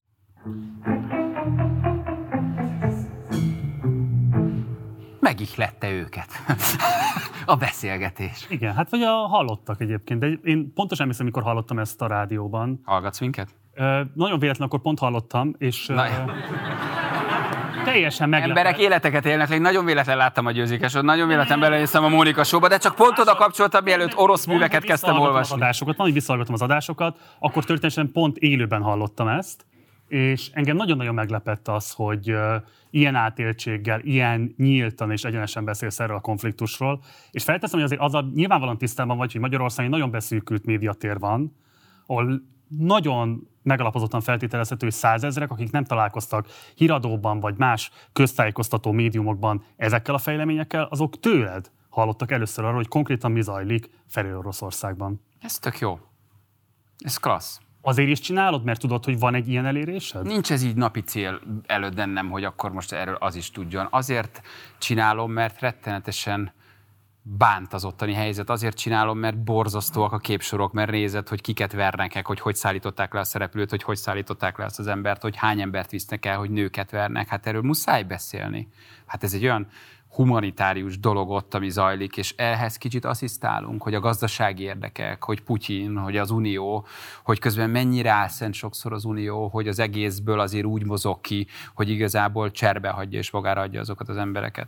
Szóval, hogy igen, erről kell beszélni, de nem azzal a cél, hogy én azért beszélek róla, mert akkor majd nincs bennem ez a fajta tudat, vagy mesélyes tudat. Egyszerűen az bánt, hogy ez megtörténhet, és azért beszélek erről, hiszek abba, hogy minél több ember kezd ráébredni, felébredni mentálisan, tudatosan egy kicsit kinyitni a szemét és meghallani ezt a dolgot, akkor egy kicsit elgondolkozik a világ helyzetén, a saját helyzetén, a sorsán, az országa helyzetén. Mi alapján választasz ilyen témát? Tehát mi alapján döntesz al mellett, hogy a menekült kérdést fogod tematizálni, a fehér orosz helyzetet fogod tematizálni? Azért, mert azt gondolom, hogy a hallgató nagyon fontos, hogy ventilálni tudjon általad. Hogy ami történik a világban, ő azt ki akarja beszélni, és úgy beszéli ki, hogy meghallgatja, hogy mi van nála nálad. Ezáltal egy kicsit benne oldódik, ezáltal egy kicsit rálát valamire, ezáltal egy kicsit megköszöni neked, hogy de jó, hogy beszéltél róla, mert ez bennem is itt volt. Tehát ez egy kicsit egy pszichoterápia. Tudom, hogy bennünk mi van. Tudom, hogy a kollektív nagy magyar tudatban milyen hírek vannak, mire rezonál, mi kell, és azt egy kicsit együtt ventilláljuk. Vagy éppen abból a célból, hogy tudja meg, hogy mi történik a lengyel határnál, vagy azért, mert láttam előző egy híradást, és vertek három embert, és folyam a szerkesztőt, gyerekek, foglalkozunk ezzel holnap, mert muszáj erről beszélni. Tudod, tehát nincsenek azért ilyen nagyon pontos szerkesztési elvek, hogy na most ez azért, mert az ide, na most azért egyszer látok valami olyat, akkor azt behozom. Intuíció alapján döntesz. Intu, intuíció alapján, világpolitika alapján, történések alapján, szerkesztői javaslatok alapján, tanácsok alapján, valami mellettem megy el, és hozzá a szerkesztő, és azt mondja, hogy figyelj, ez egy jó téma, csináld meg, csináljuk meg, jó lesz. Á, ne, csináld meg, higgy nekem, jó lesz. Oké, gyerünk, csináljuk meg. Tehát, hogy azért én nagyon hagyom, hogy irányítsanak, nagyon engedem, hogy átnyomják a tudatomon esetleg azt. Ami nem azt jelenti, hogy az ilyen híreket nekik be kell hozni, mert ezekre pont én is nagyon érzékeny vagyok, de, de, de egy csapatmunka, tehát ez nem az én, mondom, nem az én nagy szüleményem, ez együtt é, megélve. Ezt és mindenki máshoz. politikai mindenki... témák kapcsán nincs meg ez a ventilálási igény a hallgatóidban? Nézd, én azért, az nálunk egy köztudott és kimondott dolog, hogy mi ezzel nem foglalkozunk, de nem kérés és nem cenzúra. Én azt látom, hogy olyan... Cenzúra sem? Tessék? Öncenzúra sem? Öncenzúra abból a szempontból, hogy olyan szinten van a napi politika rátéve az asztalunkra, hogy van a háztartásokban, hogy van emberi kapcsolatokban, barátságokban, szülő-gyerek viszonyban mindenhol ráderőltetve, belenyomva, tévén, rádión, plakátokon, mindenhol keresztül, és az emberek annyira torkig vannak, hogy mi sokszor belenyúltunk abba, hogy megpróbáltunk hogy megcsinálni az volt, hogy gyerekek, legalább ti ne, hogy hagyjátok ezt a platformot meg nekünk arra, hogy, hogy röhögjünk. Tudod, tehát én azt hiszem, hogy ha valaki politikát akar hallgatni, csinálja, hallgassa, nagyon sok csatorna van, legyen, de hogy, de hogy az első alapvető dolgunk a szórakoztatás nem felment, és kimondottan egyébként nem foglalkozunk napi politikával, és így a közélettel. Mert, mert egyszerűen az, az a hitvallásunk, hogy nem ez a feladatunk, nem ezért ülünk itt, nem is értünk annyira a politikához, nem akarunk ezzel foglalkozni, azt akarjuk csinálni, amiben mi jók vagyunk, érezze jól magát és szórakozzon. Okay. Hozzátok elító hallgatói vélemények alapján az ilyen fehér orosz helyzetnek a taglalását hogy fogadják a ti hallgatóitok? Tíz azt mondja, hogy elkapcsolok, nagyon unom, három azt kapcsolja, hogy csalódtam menetek, azt hittem, ma megint kakis téma lesz, Kettő azt mondja, hogy anyád, Balázs, bármi a téma, akkor is anyád. Tehát, hogy igazából nagyon vegyes, de azért mi érezzük... Most azt mondtad, hogy elismerést egyáltalán is kaptatok érte. De nagyon sok jön. De sokkal kevesebb, mint amennyi negatív. Tehát, hogy sokkal, tehát, hogy több a, több a negatív, mint amennyi pozitív. Azt akarom Olyan. mondani, hogy három jön az, hogy gyerekek tök hogy foglalkoztok vele, és tíz az, hogy unom, hogy, hogy miért kell ez, hogy ti rádióműsor vagytok, de három olyan, aki azt írja, hogy gyerekek, én is ezen gondolkoztam, tök jó. És inkább hiszünk annak a háromnak, és veszítjük el arra 20 percre azt a, azt a század, kétszázad, ezret, tudod? Nem baj. Tehát, hogy nem mindig úgy készítünk, hogy most akkor mi van, ha tíz elkapcsol. Holnap visszajön. Ma haragszik rád, holnap szeret. Holnap a Janira szere, ha Janit szereti, holnap utána Janira haragszik. Tehát azért a csatornaváltás lehetőség ott van, de azért tudjuk, hogy a mi hallgatóink általában erre is fogékonyak, szeretik, kívánják, igénylik, nyilván egy kisebb tömeg, de néha őket is ki akarjuk szolgálni, meg a saját lelkünket is etetni egy kicsit ezzel, tudod? Szóval azért, ha úgy feküdnénk le, hogy ezzel nem foglalkoztunk, hogy elmentünk, és csak a műsorkészítési elvek, és csak a hallgatottság, miközben ez történik a lengyel-orosz határon, vagy fehér-orosz határon, szarérzés lenne itt belül, hogy basszus, szálljatok erre, vagy szálljunk erre 20 percet. Csak mutassuk meg, hogy mi van. És aztán röhögjünk, legyünk felszínesek, mi nem kell minket túlértékelni, mi egy érzelmi McDonald's vagyunk. Belénk hallgatsz, röhögsz egy kicsit, kidobod a kukába, elfelejted, és belemész a napi gondjaidba. Nekünk az a feladatunk, abba a 20 percben, hogy megeszed azt a hamburgert, mi vagyunk, minket eszel meg minden reggel. Vagy kicsit savanyú, vagy jó, vagy ma nem olyan, mint tegnap volt, de azért megeszem, lenyomom, abban a 20 percben érez jól magad. Olyanok vagyunk, mint egy eperség. Elmúlik, kidobod 5 perc el is felejted. Nincs más dolgunk. Nem szabad, hogy azt képzeljük, hogy valójában más feladatunk van. Ez egy fenntartható szerepkör szerinted? Szerintem nagyon. Igen? Igen. Így van. Ez az igazán fenntartható szerepkör. Okay. Semmi más nem fenntartható. Minél inkább ragaszkodsz önnön lényegiségethez, annál inkább csapdába kerülsz, mert egyszer csak ki fogják húzni a gyufát, és elsz, hogy tök mulandó vagy, és ugyanúgy elhasználtak és eldobnak, mint annyi mindenki nagyot már ebben az iparágban. Amiről beszéltünk, ha végig tudod, akkor viszont azt mondod, hogy kifutott a deszka a partra, fölkapod, és azt mondod, hogy most mi az út, nézzük meg. Tudod, azért erre az ember tudatát, az egóját, a személyiségét mindig emlékeztetni kell.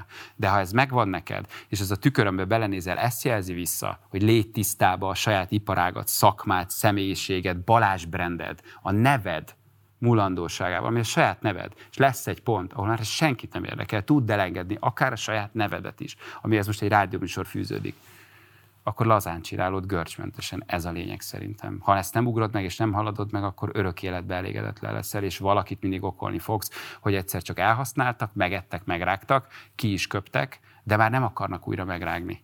Okay. Amíg egy ízletes rágógumi vagy, addig meg rágjanak, amíg akarnak. Ennek ez a lényege, semmi más szerintem. Az interjú korábbi részében megneveztél olyan szaktársakat, akiket kifejezetten etalonnak tartasz. Van olyan a számodra, aki szakmai példakép? Nincs. Nincs nagyon. Nem igazán. Egy-két embert úgy szeretek, de nagyon más tévé volt. Én nem vagyok annyira hasonlásra tőlük.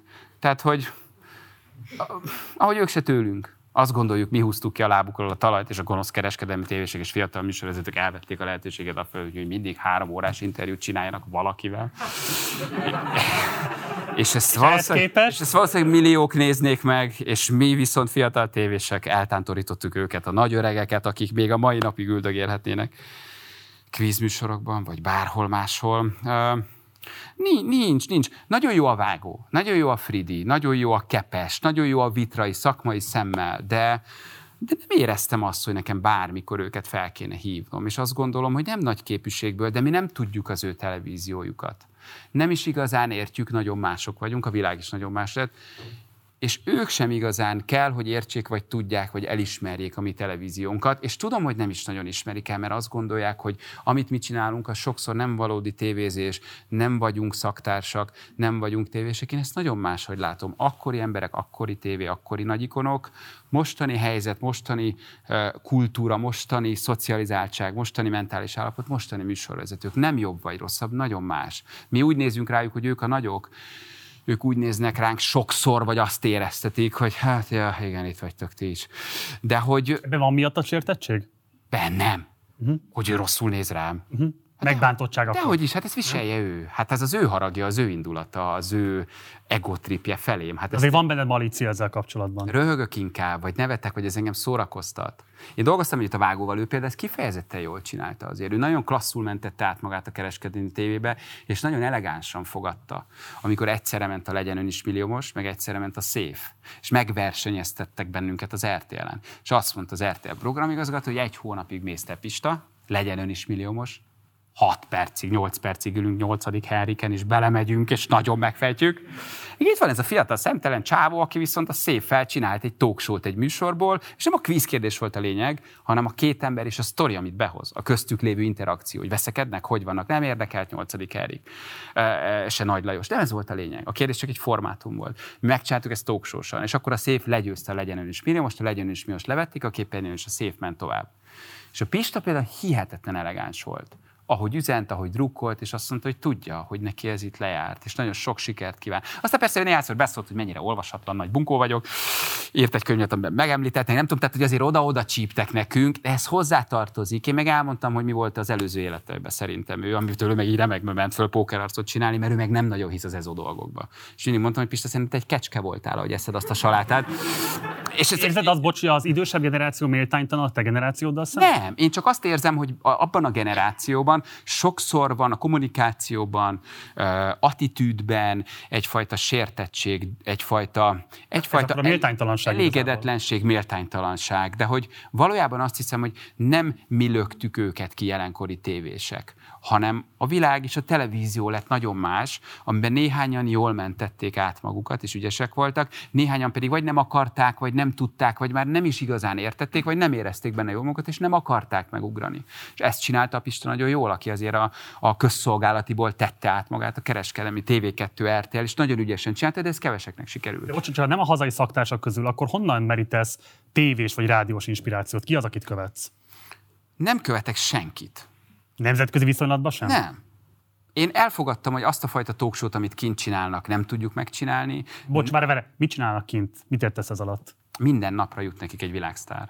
Minden nap annyi történés van az országban, minden nap annyi nagy valódi A-kategóriás celebet tudsz leültetni, amit Magyarországon sem napiban, sem hetiben nem tudsz megcsinálni. És hazai talkshow, late night show és minden azért vérzik el valójában, ami nem internetre készül. Mert nagyon kicsi piac, annak a, annak a fele nem jön el, mert tévéket... Erre adjunk valami zenei élet neki. Nem kell, nem kell, nem kell. Fiatal embernek valamit adjunk rá. Nem kell, nem kell nem, nem, nem, nem működik.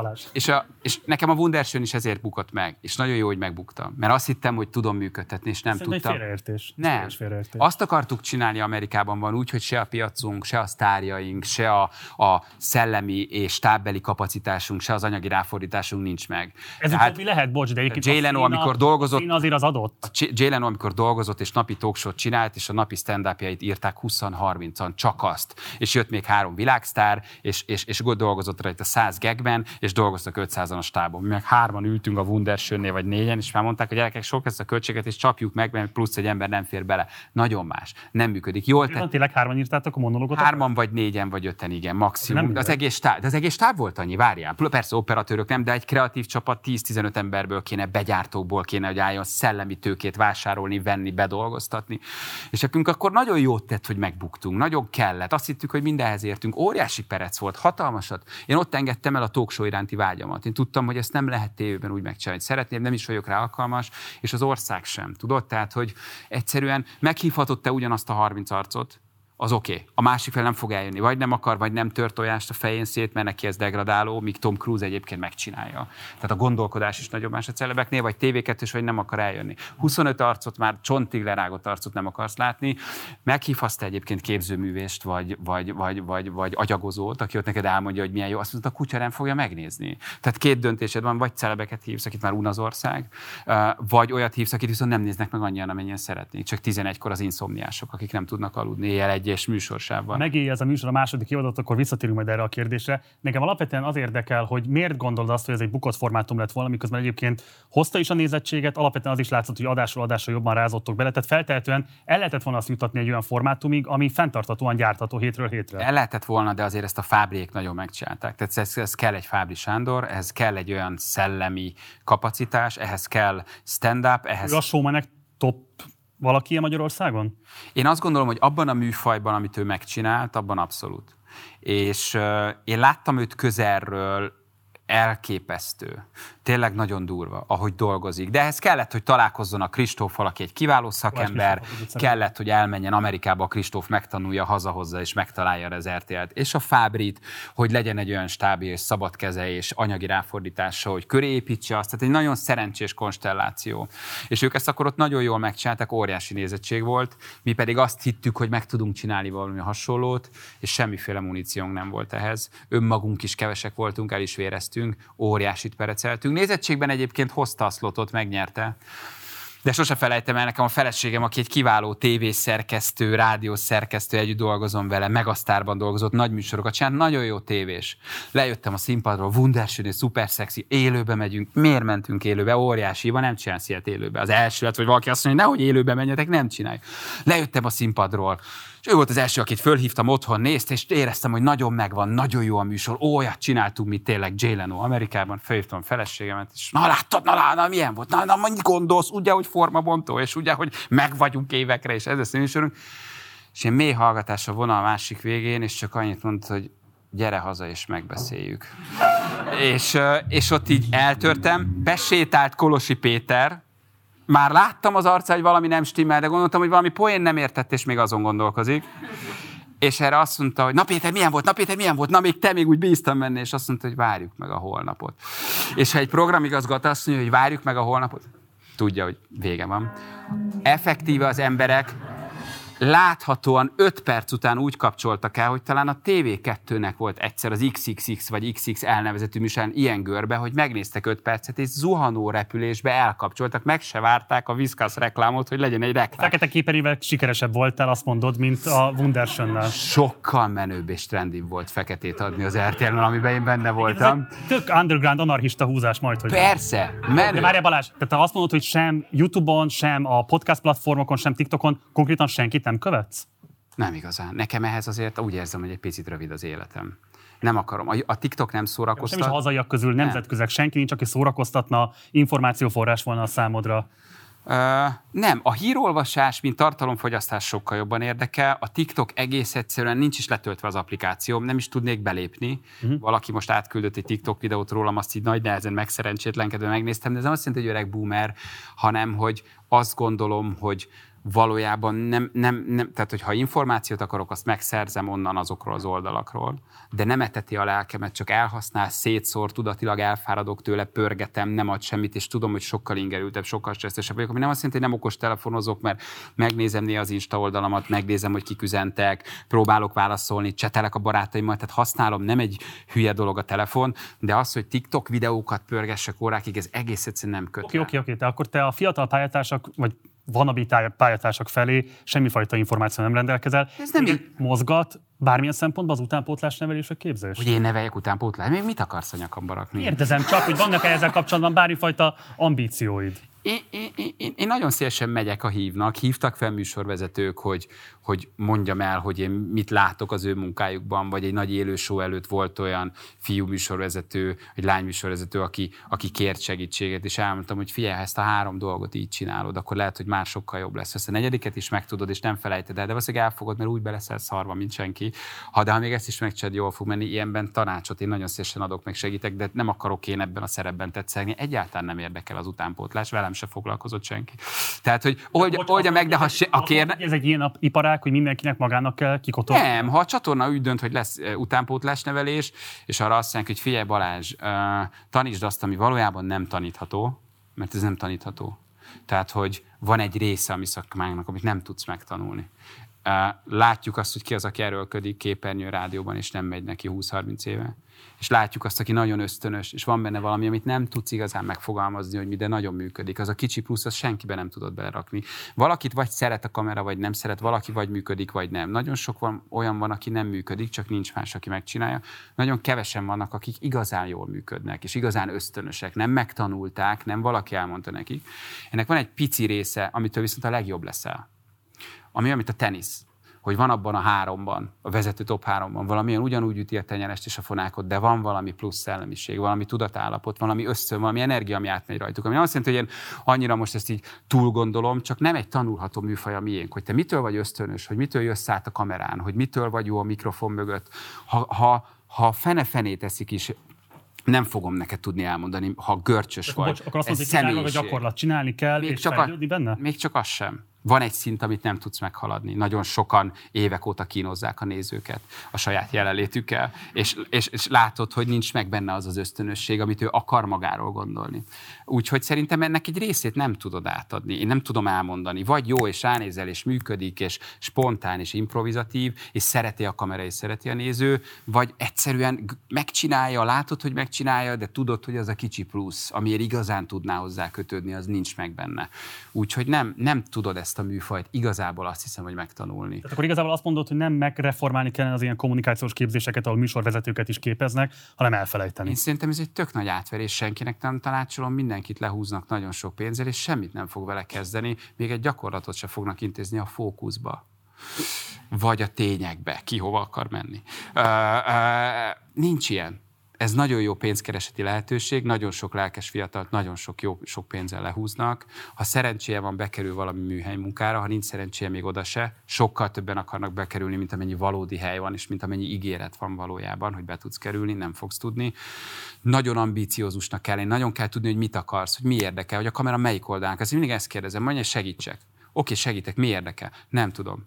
Mit olvastál utoljára? Nem tudom, nem olvasok. A kamera melyik érdekel? Nem tudom. Mondom, akkor mit akarsz? Mit csináljak én? Veled? Mit tudok mondani? Adhatsz egy Te... könyvet, hogy ezt olvasd el. Mi, ki vagyok én az anyja? Mi te adsz ad idegen embereknek könyvet, hogy olvasd el? Hozzád oda megy, oda, oda megy valaki, mit csinálj, mit csinálj? Olvasd el ezt a könyvet, gyermekem, menj Isten hírével, és ha ezt elolvasod, te se adsz könyvet. Én nem adok könyvet, ne legyél naív, kérlek. autoritás vagy. Hát nyilván mennek oda hozzád fiatal. De nincs ilyen könyv. Nincs Friderikus Sándor, így televíziózom én. Vitrai Tamás, én is a televízió, ha elolvasod, mindent tudsz. Nem? Kepes András, rak be a párnád alá, és mindent megtanítok. Nincsenek ilyen könyvek. Tehát, hogy van egy, van egy, van egy műhely munka, ha valódi jó tanárod lesz, ha szerencséd van, és valaki nem csak a pénzedet akarja, hanem szánott rád öt percet, akkor még azt is mondja, hogy hagyd el a pályát, ne csináld, nem vagy rá akarsz. Ha nincs szerencséd, akkor azt mondja, utalját még 160 ezeret, és talán leülök veled beszélgetni. Sajnos inkább ez van. Úgyhogy van, amit meg tudsz tanulni, van, amit meg tudnék én is tanítani, de van egy olyan része, amit nem tudsz átadni, és nem tudsz megtanulni. És ez az a pici plusz, ami kell abba, aki szerintem valójában ezzel akar foglalkozni, vagy akinek sikere van, és jó rádiós, jó tévés, azokban mind ott van. Nézzük a Tillát, nézzük a Majkát, nézzük a Klaudiát, nézzük azokat az arcokat, akik valamiért jól működnek, és lehet szeretni, nem szeretni, rögni a humorán, vagy azt mondani, jó vagy nem jó, de van bennük valamiféle ösztönösség, amiért egész egyszerűen azt érzed, hogy tudsz vele azonosulni, és működik. És látsz műsorvezetőket, popstárokat, zsűritagokat, kisebb csatornán műsorvezetőket, hogy érzed benne, hogy minden meg megtesz, de nem fog igazán működni, vagy nem lesz igazán az, ahová el akar jutni. Köztetek tévések és rádiósok között van bármifajta ilyen C-becsület, vagy C-tudat? Tehát, hogy van bármifajta olyan összetartás, ami, nem tudom én, ha van egy szakmai helyzet, akkor kitárgyaljátok, összejártok, bármilyen szempontból mondjuk értékelitek egymást, vagy ez teljesen informálisan baráti alapon megy maximum? Hát össze nem járunk, tehát hogy, hogy nekem azért vannak barátaim, hál' Isten, úgyhogy így nem akarnék velük összejárni. Persze, van kollegialitás, van szakmaiság, ha valaki olyat mond a tévében, és marad egy káromkodás, és arról másnap beszélünk a rádióba, kiállunk mellette, ha úgy rúgják ki egy tévétől rádiót, akkor rámondjuk, hogy borzasztó, hogy valakit úgy tudnak kirúgni majd tévéből, hogy bemegy, és nem érvényes a, a kártyája. Tehát, hogy ilyen fajta iparági összefogás van? Persze, abszolút, de azért se barátok, se haverok igazából nem vagyunk, még a reggelistában sem. És ez egy érdekes kohézió. De szaktársat, ez egy Nincsen. szaktási... Biztos vannak a szakmában barátságok, biztos van, aki összejár söröznek, és, és megbeszélik a dolgokat. Nekem más típusú barátságok vannak. Tehát, hogy mindenki nagyon szanaszét van, nagyon forgat, nagyon dolgozik, nincs is nagyon idő igazából azt gondolom, hogy valahogy ezt megoldjuk, meg hát mindenki a saját társaságával jár össze. Azok a médiumokkal dolgozol, ők foglalkoznak bármilyen szempontból az utánpótlás képzéssel? Nem, hál' Isten, úgyhogy még sok időm van. De egyébként tök jó, azt szoktam, hogy tök jó, hogy ott van a Bence, mert minden nekem kéne csinálnom. Tehát azért egy isteni szerencse, hogy ott megtalálták. Viva TV-ről jött át. Mit gondolsz róla? A Bencéről? Hát mit mondjak, Bence?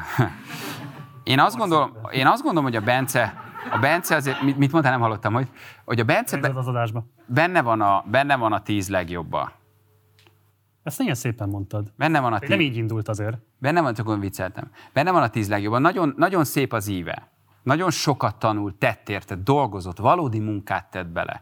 tudást, járt, kiárta a Viva TV-t. Neki még megvolt az a szocializáció, hogy nem egyből beesett egy nagy show műsorba.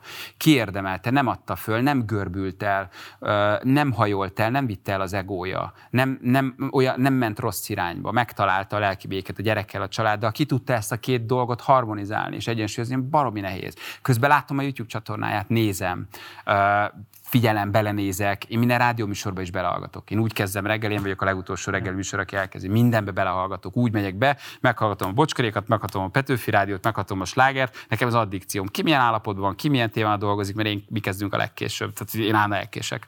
És ez van időm a többieket végighallgatni. Megnézem a Bence YouTube csatornáját, kíváncsiak, hogy mit csinál, kíváncsiak, hogy mi a tartalom, mi a szellemiség. Van köztetek bármifajta bajtársiasság? Az mit jelent, hogy bajtársiasság? Az mire gondolsz, hogy csak kerékcserét kellene csinálni, vagy, vagy, vagy, vagy a Viki fölhívná, hogy a Viki fölhívná, hogy... Hívja téged a sluszkulcsért, igen. Szerintem a barátait hívja. Van bajtársiasság. Én, én szakmai bajtársiasságról kérdezek. Mi valóban a szakmai bajtársiasság? A te meghatározásod? egy szerződéskötés előtt, hogy figyelj Balázsnak, mennyit ajánlottak. Szerinted ilyenkor van. mit kell lépnem? Abszolút van. Ilyen van? És nagyon szívesen segítek, ahogy segítettem is, persze, abszolút. Vagy hogy elvállaljon egy műsort, vagy hogy ez egy jó formátum -e, vagy amikor együtt kerültünk az állarcosba, akkor megbeszéltük, hogy, hogy, hogy, hogy ő ezt hogy képzeli el, vagy milyen lesz műsorvezetőnek, hogy hogy érzem magam zsűrinek, SMS-eztünk, mikor ment a műsor, mit lehetne jobban csinálni, mit látott ő, mit, mivel, mivel tudunk legközelebb jobbak lenni, egymással angolódni. Tehát ilyen, ilyen abszolút van. Nincs az a fajta konkurencia harc és az a fajta ellenségeskedés, amit nagyon sokszor ránk sütöttek. Igen. Tehát ez absz- abszolút nem. Megvan a saját világom, a saját műsorom, a Bence óriási karriert futott be a, a, a saját csatornájában. Hát hülyék lennénk ebben a helyzetben a saját tudatunkat ellenségeskedéssel e, meghatározni, miközben mindent megkaptunk. Tehát a Bence is a maga karrierjével, és én is, ha bármelyikünkben irítség vagy féltékenység lenne bárki iránt, az, az, az, a, az a legnagyobb hiba lenne, amit elkövethetnénk önmagunk ellen. Úgyhogy, úgyhogy nincs. Jó a Bence, és jó, hogy ott van egy csomó, csomó dologban jó, egy csomó dolgot ő vállal, egy csomó dolgot azt mondom, hogy én nem tudom megcsinálni, és ott a Bence, és tök hősiesen megcsinálja. Úgyhogy nincs, nincs azért ilyen nagy, nagy rivalizálás. Nem is találkozunk nagyon, mindenki a saját útján megy. Úgyhogy... És azt kérdezem tőled, hogy abban a top 10-ben van, azt mondod, hogy ő beletartozik, hogy néz ki az első három hely, azt elmondod? Hát az első helyen vagyok én. Tehát, hogy ez a legfontosabb. Um, nézd, nem tudom, én nagyon jónak tartom a Tillát, nagyon jónak tartom a Majkát, nem feltétlen műsorvezetőnek, zsűrinek sokkal inkább. Nagyon jónak tartom. A Majkát? Én azt hiszem, hogy neki az egy ösztönösebb, jobb szerep zsűrinek lenni valahol, mint műsorvezetni. Műsorvezetés közben én a Petin még mindig látok egy pici olyan görcsöt, amit talán nem érez magában, de nem tud úgy kiteljesedni, mint a színpadon, vagy mondjuk zsűrinek, ami nem rossz görcs, mert még így is baromi ösztönös, baromi természetes, csak még egy picit azt látom, hogy mintha egy pici diszkomfort érzet lenne. Nagyon, nagyon jó a Nóri a önmaga műfajában, amikor, amikor nagyon pontosan kell mondani X-faktorot, tehát mellettem én nem hittem el. Hogy tudja így a telefonszám telefonszámot? Hogy tudja így az SMS-eket? Hogy tudja, hogy bármikor ránézek és mondja a telefonszámot? Én nem tudom bemondani. Én fogalmam nem volt, hogy hova kell szavazni, és mindig szóltak az RTL gazdaságról, hogy mondjam már el, mert nem szavaznak, nem mondjak rossz SMS számot, mert elmegy 10 millió forint arra, hogy rossz helyre szavaznak. És én még át és bögdössem a Nórit, hogy Nóri, Nóri mondta, befordult a kamerába, mondta. Iszonyat profi. A Stól is önmagában elképesztő. Tehát, hogy a való világokat csinálta, én ott álltam, és azt mondtam, hogy döbbenetesen jó abban, amit csinál. Közben azt gondolom például Buciról, hogy sokkal jobb a színpadon, mint ami bármilyen műsorvezető ugyanakkor. Tehát, hogy mi azért nagyon nézzük egymást, figyeljük egymás szakmaiságát. Nyilván az időseknél jó a vágó, jó a Fridi, a vágó nem mind műsorvezető, nekem inkább quiz professzor, ott van a Fridi, aki, ott van a Hajdu, aki azért a mély interjúkban jó, szóval, hogy én szerintem sok, sok jó van, nem feltétlen mindenki mindenben, inkább ezt, ezt mondanám. De nincs nálam sorrend azért, tehát nem írogatok otthon sorrendet, hogy ma Attila nem volt olyan jól lecsúszott a harmadik helyre, de például, hogy a Tilla ő élőzik, amennyire pontos, amennyire precíz, amennyire olyan, mint egy ütemóra, hogy hogy mondja a konfokat hogy mennyire nagyon tudja, hogy milyen hosszú konfokat mond, hogy abban mennyi információ van, a negyedét nem tudnám elmondani, nem tudom megjegyezni. Tehát, hogy nagyon precíz, nagyon, nagyon kielezett, hogy sosem indisponált hogy nem láttam, és nem tudtam úgy elkapni, hogy lássam, hogy ma nincs formába. Hogy ez micsoda koncentráltság, amit ő oda lerak abban a három órában. Nagyon jónak tartom. Élő műsorban nem tudok olyan jó lenni, mint amennyire ő más típusú műsorban, igen. Szóval, hogy én ezért ezeket nagyon nézem, nagyon elemzem, illetve most már látom, ismerem őket nyilván, és tudom, hogy ki milyen de, de van egy top 5 vagy top 10, akik ebben benne vannak, bocsánat, ha valakit kihagytam, nyilván tudnék még neveket mondani. De leginkább azért az én generációmból, vagy, vagy, vagy, vagy, vagy, vagy alatta. A régi tévések viszont másban voltak jók. Tehát a Vitrai leült a képernyő elé, és nyitva volt a slice, akkor ő lenézett tudatosan adásba, konstatálta, hogy nyitva van, felhúzta, és csinált egy olyan interjút, és az oda úgy született meg, vagy hogy a kepes leült három ember, ami nagyon nagy műfaj, és úgy tette eléd azt a beszélgetést, vagy hogy az ablakban a Déri működött. Én nagyon sokat néztem. A Dérinek volt egy olyan műsor a rádióban, hogy betelefonáltál gyerekként, nagyon sokat hallgattam, és arról beszéltél, amiről akartál, amiről a hallgató akart. Micsoda olvasottság, micsoda tudás, micsoda szellemi felkészülés, csillagászat, beszéljünk róla, matematika, beszéljünk arról, gazdaságtan, környezetismeret, politika, mindenben besz, mindenhez hozzászólt. Tehát nekem azért vannak úgy ikonjaim, akikkel nagyon mások vagyunk, de olyan szellemi muníció, olyan szellemi tőke, amit ők akkor a televíziózásba vittek, ami azért nagyon követendő példa. De nyilván más eszközökkel máshogy tudunk mi a mostani nézőkre hatni. Tehát nálam például tényleg egy kepes vagy egy déri nagyon elő van. Nagyon szerettem. Gyerekként ott ültem, és nem tudom miért néztem, de néztem az ablakot, hallgattam az ő rádió műsorát.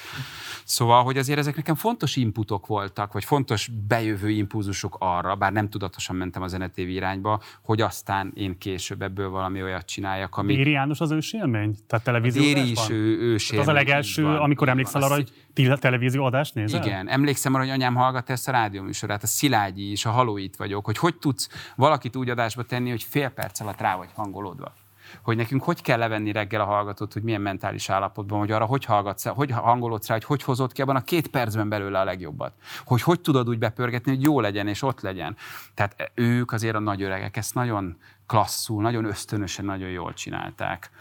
Nyilván, ha ebből lehet valamiféle muníciót áthozni, akkor ez kötelességünk is nyilván más kondíciók között szerintem. Oké. Okay. Zárásként szeretném, hogy egy picit beszélnénk a Pránanadiról, pontosabban arról, hogy erről elég sokszor beszélsz a nyilvánosságban, sokszor beszélsz arról, hogy milyen spirituális tanokat követsz, és ez azért izgalmas, mert nyilván van egy ilyen világjelenség, hogy van egy spirituális válság, a régi világvallások már nem alkalmasak arra, hogy megadják azt a fajta békét, vagy azt a fajta biztonságot tömegek számára, amit esetlegesen képesek voltak a korábbi korokban. Nagyon sok új vallás, nagyon sok új irányzat jelenik meg. A pszichológiában nagyon sok olyan irányzat van, amivel próbálnak az emberek azonosulni. Keresik azt, hogy mi lehetne alkalmas arra, hogy ezekre a nagy kérdésre az életnek valamilyen fajta választ adjanak, és te elég elkötelezett vagy emellett az irányzat mellett. Én nem szeretném, hogyha most arról vitatkoznánk, hogy ez egy megalapozott hit, vagy nem megalapozott hit. Leginkább csak arról szeretném, hogyha mondanál néhány gondolatot, hogy egyszer úgy fogalmaztál, amikor erről kérdezett téged pont a Hajdu Péter, hogy szörnyű nyomasztó a földi sík, ami itt van. Hát ez egy jó világ, ami itt van? Szerintem nem. És hogy ugye azok a szenvedések, amik abból adódnak, hogy ez nem egy jó világ, ebben szerintem egyetértünk, azok most vannak és ami esetleg a spirituális boldogulás fogja majd biztosítani, az majd valamikor máskor lesz, ha egyáltalán lesz majd. Szerinted hogyan lehet kezelni azt az ellentmondást, hogy a jelenkorban vannak azok az emberi szenvedések, amiket valamilyen módon mérsékelni, felszámolni, és így tovább kellene, és hogy azért nagyon sokaknak nyilván nagyon nehéz azt mondani, hogy persze majd a halálod után boldogulsz és megkapod azokat a kielégüléseket, amiket a földi nem kaptál meg, és most a szenvedés az osztály részed. Én egyébként a felvezetőddel ellentétben nem beszélek erről túl sokat. Régebben beszéltem, és megégettem magam párszor. Igen? Igen, és ebből abszolút leálltam. Miért? Szefósnak néztek? Konkrétan, mint aki megőrült, persze. Aha. Tehát, hogy nem akarod látni a Story magazinban magad, hogy Pataki Attila ufót láttam. Jó, de az, hogy, hogy beszélnek erről, az Bíró, nem... Bíróica szantál füstölővel űzöm el a démonokat, köztes Sebestyén Balázs beszél valamiről, amiben hisz, én ezzel, erről abszolút leálltam. És ez nem is biztos, hogy baj.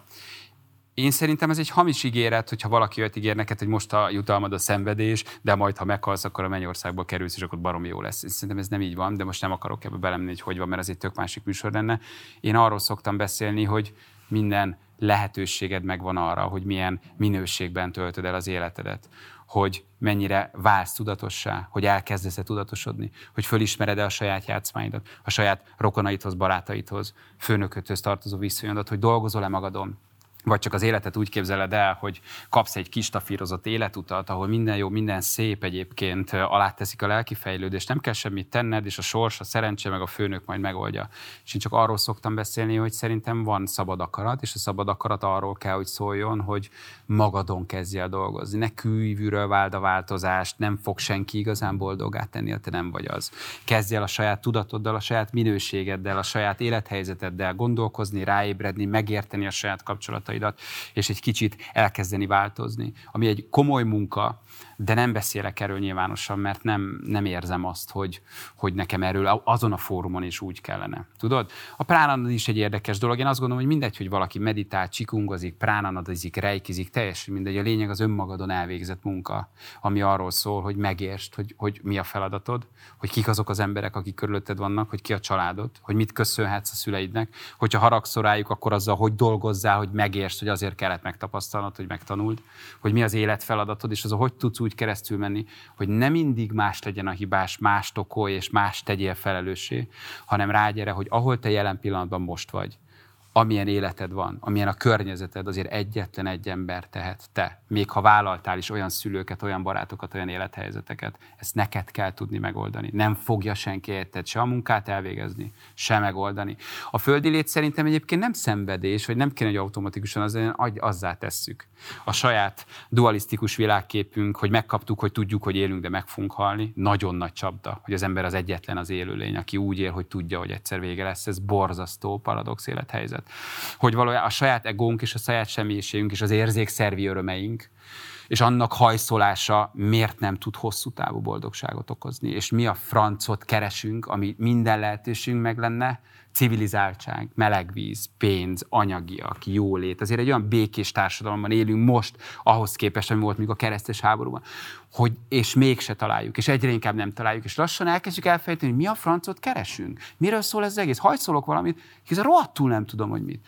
És hogy hogy tudod kialakítani azt a fajta hosszabb távú boldogságérzetet, aminek nem feltétele az érzékszervi öröm, mert ha azt kívülről akarod, annak vége van. Hogy egyszer. Ha belülről teremted meg, akkor viszont lesz egy állandó tudatállapotod, ami viszont bentről kezd el kifele sugározni. Én erről szoktam beszélni. Ha kívülről várod, hogy valaki boldogát tegyen, előbb-utóbb csalódni fogsz, vagy meg fog halni, vagy el fogod veszíteni, vagy ki fog belőled szeretni, és ott fog hagyni. Ha belül dolgozol a saját tudatodon, meditációval, lelki gyakorlatokkal, bármivel, és megteremted azt, hogy a külvilág és az arra való reagálás egy kicsit függetlenebbé válsz. Ha szépen szól hozzám, jó kedvem van, ha csúnyát mond, akkor most rossz kedvem van, történik valami összeomló stabil tudatállapotot hozol létre, ami munka, az nincs munkanélkül, az nincs könyvekben. Ezt teljesen értem, és nem akarom ezt elégteleníteni. tapasztalás. De hogyan kezed azt a kérdést, hogy azt mondod, hogy meleg víz, pénz Igen? mindenkinek rendelkezésére áll? Nem, ez Magyarországon milliók, várj, várj, nem, nem, bocs, nem bántani akarlak, csak fontos szerintem ez a kérdés. Ez milliók számára nem hozzáférhető, várj, bocsáss meg. És te nagyon elutasító vagy azzal kapcsolatban, hogy a politikától bármifajta megváltást várnánk és ha jól értem, azt mondod, hogy ezekre az emberi problémákra alapvetően spirituális válaszokat kellene Én azt hozni. gondolom, hogy politikusoktól elvárni ezt a változást az illúzió. A melegvizet valaki, bevezetni? Ne, a mele, ne, ne szó szerint érd a melegvizet. Arra gondoltam, hogy egy olyan békés helyen lakunk, ahol Európa szíve, ahol minden lehetőség meg lenne. Tudom, hogy nincs mindenkinek meleg víz. Ne a szavakba kapaszkodj, most a gondolatiságot próbáld elkapni. Nem nem, nem, nem, nem, nem, nem, csak mondom. Én azt mondom, csak hogy egy olyan korban élünk. metaforaként is veszünk. Értem nagyon sokan olyan deprivált élethelyzetben élnek, sőt a magyar társadalom döntő többsége, hogy a melegvíz által szimbolizált biztonságos polgári életvitel nem elérhető. Értem, mondom most ne, ne szó szerint, hanem képekben gondolkozzál. Nincs háború most a fejünk fölött, meg tudnánk tenni, hogy szellemileg egy kicsit kondicionáljuk magunkat. Ha te külső körülményektől várod el, lehet, hogy meg fogja adni, vagy nem fogja megadni a gázt és a melegvizet. Én most nem feltétlenül erről beszélek, hanem hogy az ember sorsa, az ember tudatállapota, az ember mentalitása, gondolkodása, önrendelkezése az a saját kezedben van. Én tudom, hogy neked mindennek az origója, a kiinduló pontja és a végzetet csak a gonosz politikusok. De hogy, de, azt gondolom, hogy gonoszak. De hogy, de hogy nem feltétlen erről szól. A spirituális ébredés az, hogy te dolgozol magadon, az, hogy nem kívülről várod, hogy valaki megoldja, és elkezdesz valójában szembenézni a problémáiddal, valójában felszámolni mindent, amit a múltban felhalmoztál, az a te döntésed kell, hogy legyen. Azt nem fogja neked se politikus, se az anyád, se a barátod, se a főnököd megoldani. Én erről beszéltem, nem arról, hogy mindenki jó létben él. Én ezt nem vitatom, bocs. Érted? Várj, Balázs, én ezt nem vitatom, és csak te, szerintem ez egy nagyon fontos kérdés, engem ez nagyon érdekel, hogy teljesen egyértelmű, hogy van egy ilyen önmunka, amit mindenki csak magán tud elvégezni, és ezért nem nagyon teheti senki más felelőssé. Csak nyilvánvalóan azokban az élethelyzetekben, amiben, mondom még egyszer, milliónyi honfitársunk osztozik, ott olyan kényszereknek kell megfelelni nap, mint nap, hogy nem tud eljutni odáig, hogy egyáltalán elfeltesse ezeket a kérdéseket magának. Ezekre az élethelyzetekre mit tudsz mondani? Hol van itt spirituális megváltásra lehetőség? Most segíts egy kicsit, mire gondolsz? Tehát, hogyha valaki nem tud valamit megtenni, akkor te rossz, hogy te megteszed? Nincs biztos lakhatása, nincs biztos megélhetése, ja. sok gyermeke van adott esetben, nincs olyan iskolázottsága, nincsen olyan kulturális tőkéje, és nem feltétlenül azért, mert dologtalan, lusta, nem tudom milyen, hanem egyszerűen azért, mert nem kapott jó munkát, nem kapott jó oktatást, nem tudom, sok minden oka lehet. Nem biztos, hogy lehet benne egyéni felelősség is. Én most arról beszélek, hogy van egy olyan élethelyzete, ami adott a számára, nem fog tudni eljutni ilyen kérdéseknek a taglalásáig Szerinted hogyan lehetne számára ebben a spirituális világban bármifajta fogóckodót találni, ha közben meg ilyen szinten húzza le a rögvaló? Én nem tudom, nem tudom, hogy hogy lehetne. Én azt gondolom, hogy ők ugyanúgy, és mindenki ugyanazon a spirituális úton van. Lehet, hogy abban az élethelyzetben nem ez az elsődleges feladat. Vagy nem életfeladatod, vagy nem tudsz ezzel foglalkozni. Hogy a szüleink sem tudtak. Spirituális szempontból egy sokkal csendesebb, komorabb generáció volt, nem volt rá lehetősége. Így nem... a szüleidet? Én azt gondolom, hogy ők spirituálisan egyébként az a generáció, az kevésbé volt lehetőség, hogy felébredjen, igen. A mostani generáció, mostani fiatalok valamit nagyon keresnek, nagyon nyitottak rá, igen, abszolút az, a, a, a valódi spiritualitás felé így van. Hogyha valakinek nincs lehetősége, akkor valószínűleg az a vállalt feladat vagy sors, hogy ő még nem ott tart tudatosodásban, de én azt gondolom, hogy ez, ez egy hosszú út, ami libasorban szépen vándorlunk és megyünk ki. Előbb kezd el ébredni, kinek több lehetősége van, kinek minden lehetősége megvan, és mégsem tesz semmit. Ez ugyanúgy a másik oldalon is megvan, hogy meg lenne minden lehetősége, és elfecsérelt élet. Én csak azt gondolom, hogy minden, független attól, hogy van-e élethelyzeted vagy nem, amit te nem oldasz meg, akkor visszajössz, újra megkapod, inkarnálódsz és jössz folyamatosan. De ez már egy hitbeli kérdés. Ez egy feladat, hogyha te megold, hogy két gyereket vállaltál, hogy túl legyél egy válláson, hogy megértsd a szüleid halálát, vagy az ellened elkövetett érzelmi traumákat, mindent, és ne azt gondold, hogy őket kell okolnom, és miattuk tartok ott, hanem tudd, hogy minden, amit te megélsz ebben az életben, az a te fejlődésedet is szolgálja. Vagy szenvedsz, és másokat okolsz, vagy elkezdesz fejlődni, és rájössz arra, hogy te tudsz azért tenni, hogy egy kicsit elkezdjél lelkileg, mentálisan, spirituálisan valahogy egy picit felemelkedni. És ha csak ez egy pici lépés egy adott életben, sokszor jövünk, szerintem inkarnálódunk, nagyon sok feladatunk van, nem is tudunk mindent megoldani, akkor tettél egy picit. Ha többet tudsz haladni, mert van időd, lehetőséged, vagy olyan tanítókkal találkozol, vagy van időd elmélyülni, akkor lehet, hogy tudsz nagyobbat haladni ez szerintem egy út, ezen mindenki megy. Nem tudsz máshogy menni, csak az úton lenni igazából. Mindegy, hogy ezzel mennyit foglalkozol. Mindenki ugyanazon az úton van. Ki itt, ki ott tart, még csak nem is előrébb. Más élethelyzet, más életfeladat. A tanulás a lényeg, és az, hogy kondicionáld magad arra, hogy hogyan tudsz felébredni hogyan tudsz egy kicsit rájönni arra, hogy az élet egy picit bonyolultabb szövet annál, mint hogy élünk, valószínűleg reprodukáljuk önmagunkat, vagy nem, tápcsatornaként működünk, és aztán lehúnyjuk a szemünket, de hogy ez miről szól? Hogy ez hova vezet? Hogy ebben a 80-70 évben mi volt, amit nekem meg kellett értenem, tanulnom, tapasztalnom, ez jelenti azt, hogy valaki tudatosodik. Lehet úgy is, hogy van meleg víz, lehet úgy is, hogy nincs meleg víz, el lehet úgy is teszni, hogy minden lehetőséged megvan, és fel lehet úgy is ébredni, hogy igazából semmiféle fizikai lehetőséged nincs arra, de elindul valamiféle szellemi ébredés, és megtörténik a dolog. Úgyhogy Szerintem ez nagyon, nagyon összetett, de ez egy másik műsor lesz, amikor ezt megbeszéljük. Következő majd Vagy meghívlak én egyszer téged egy podcastban. Igaz is lehet. Hát nem tudom, de mindegy. Fiú Balázs, én nagyon élveztem veled beszélgetni, és különösen köszönöm azt a szakmai szolidaritást, én így olvasom, hogy egy ilyen új formátum számára bizalmat szavaztál és eljöttél. Úgyhogy szeretnék én egy nagy tapsot nagyon szépen köszönöm. Sok sikert kívánok, hogy működjön. Nektek pedig köszönöm szépen a figyelmeteket, ez volt már a péntek esti partizán, legközelebb jövő hét pénteken este 6 órakor jelentkezünk majd. Mindenkit iratkozzatok a csatornára, ha még nem tettétek volna meg, illetve ha szeretnétek látni a teljes, hágatlan a beszélgetésnek, akkor pedig fizessetek elő a partizánra a Patreonon keresztül. Munkatársamban köszönöm szépen a megtisztelő figyelmeteket. Én Gulyás Márton voltam Budapestről, jó éjszakát kívánok, ciao.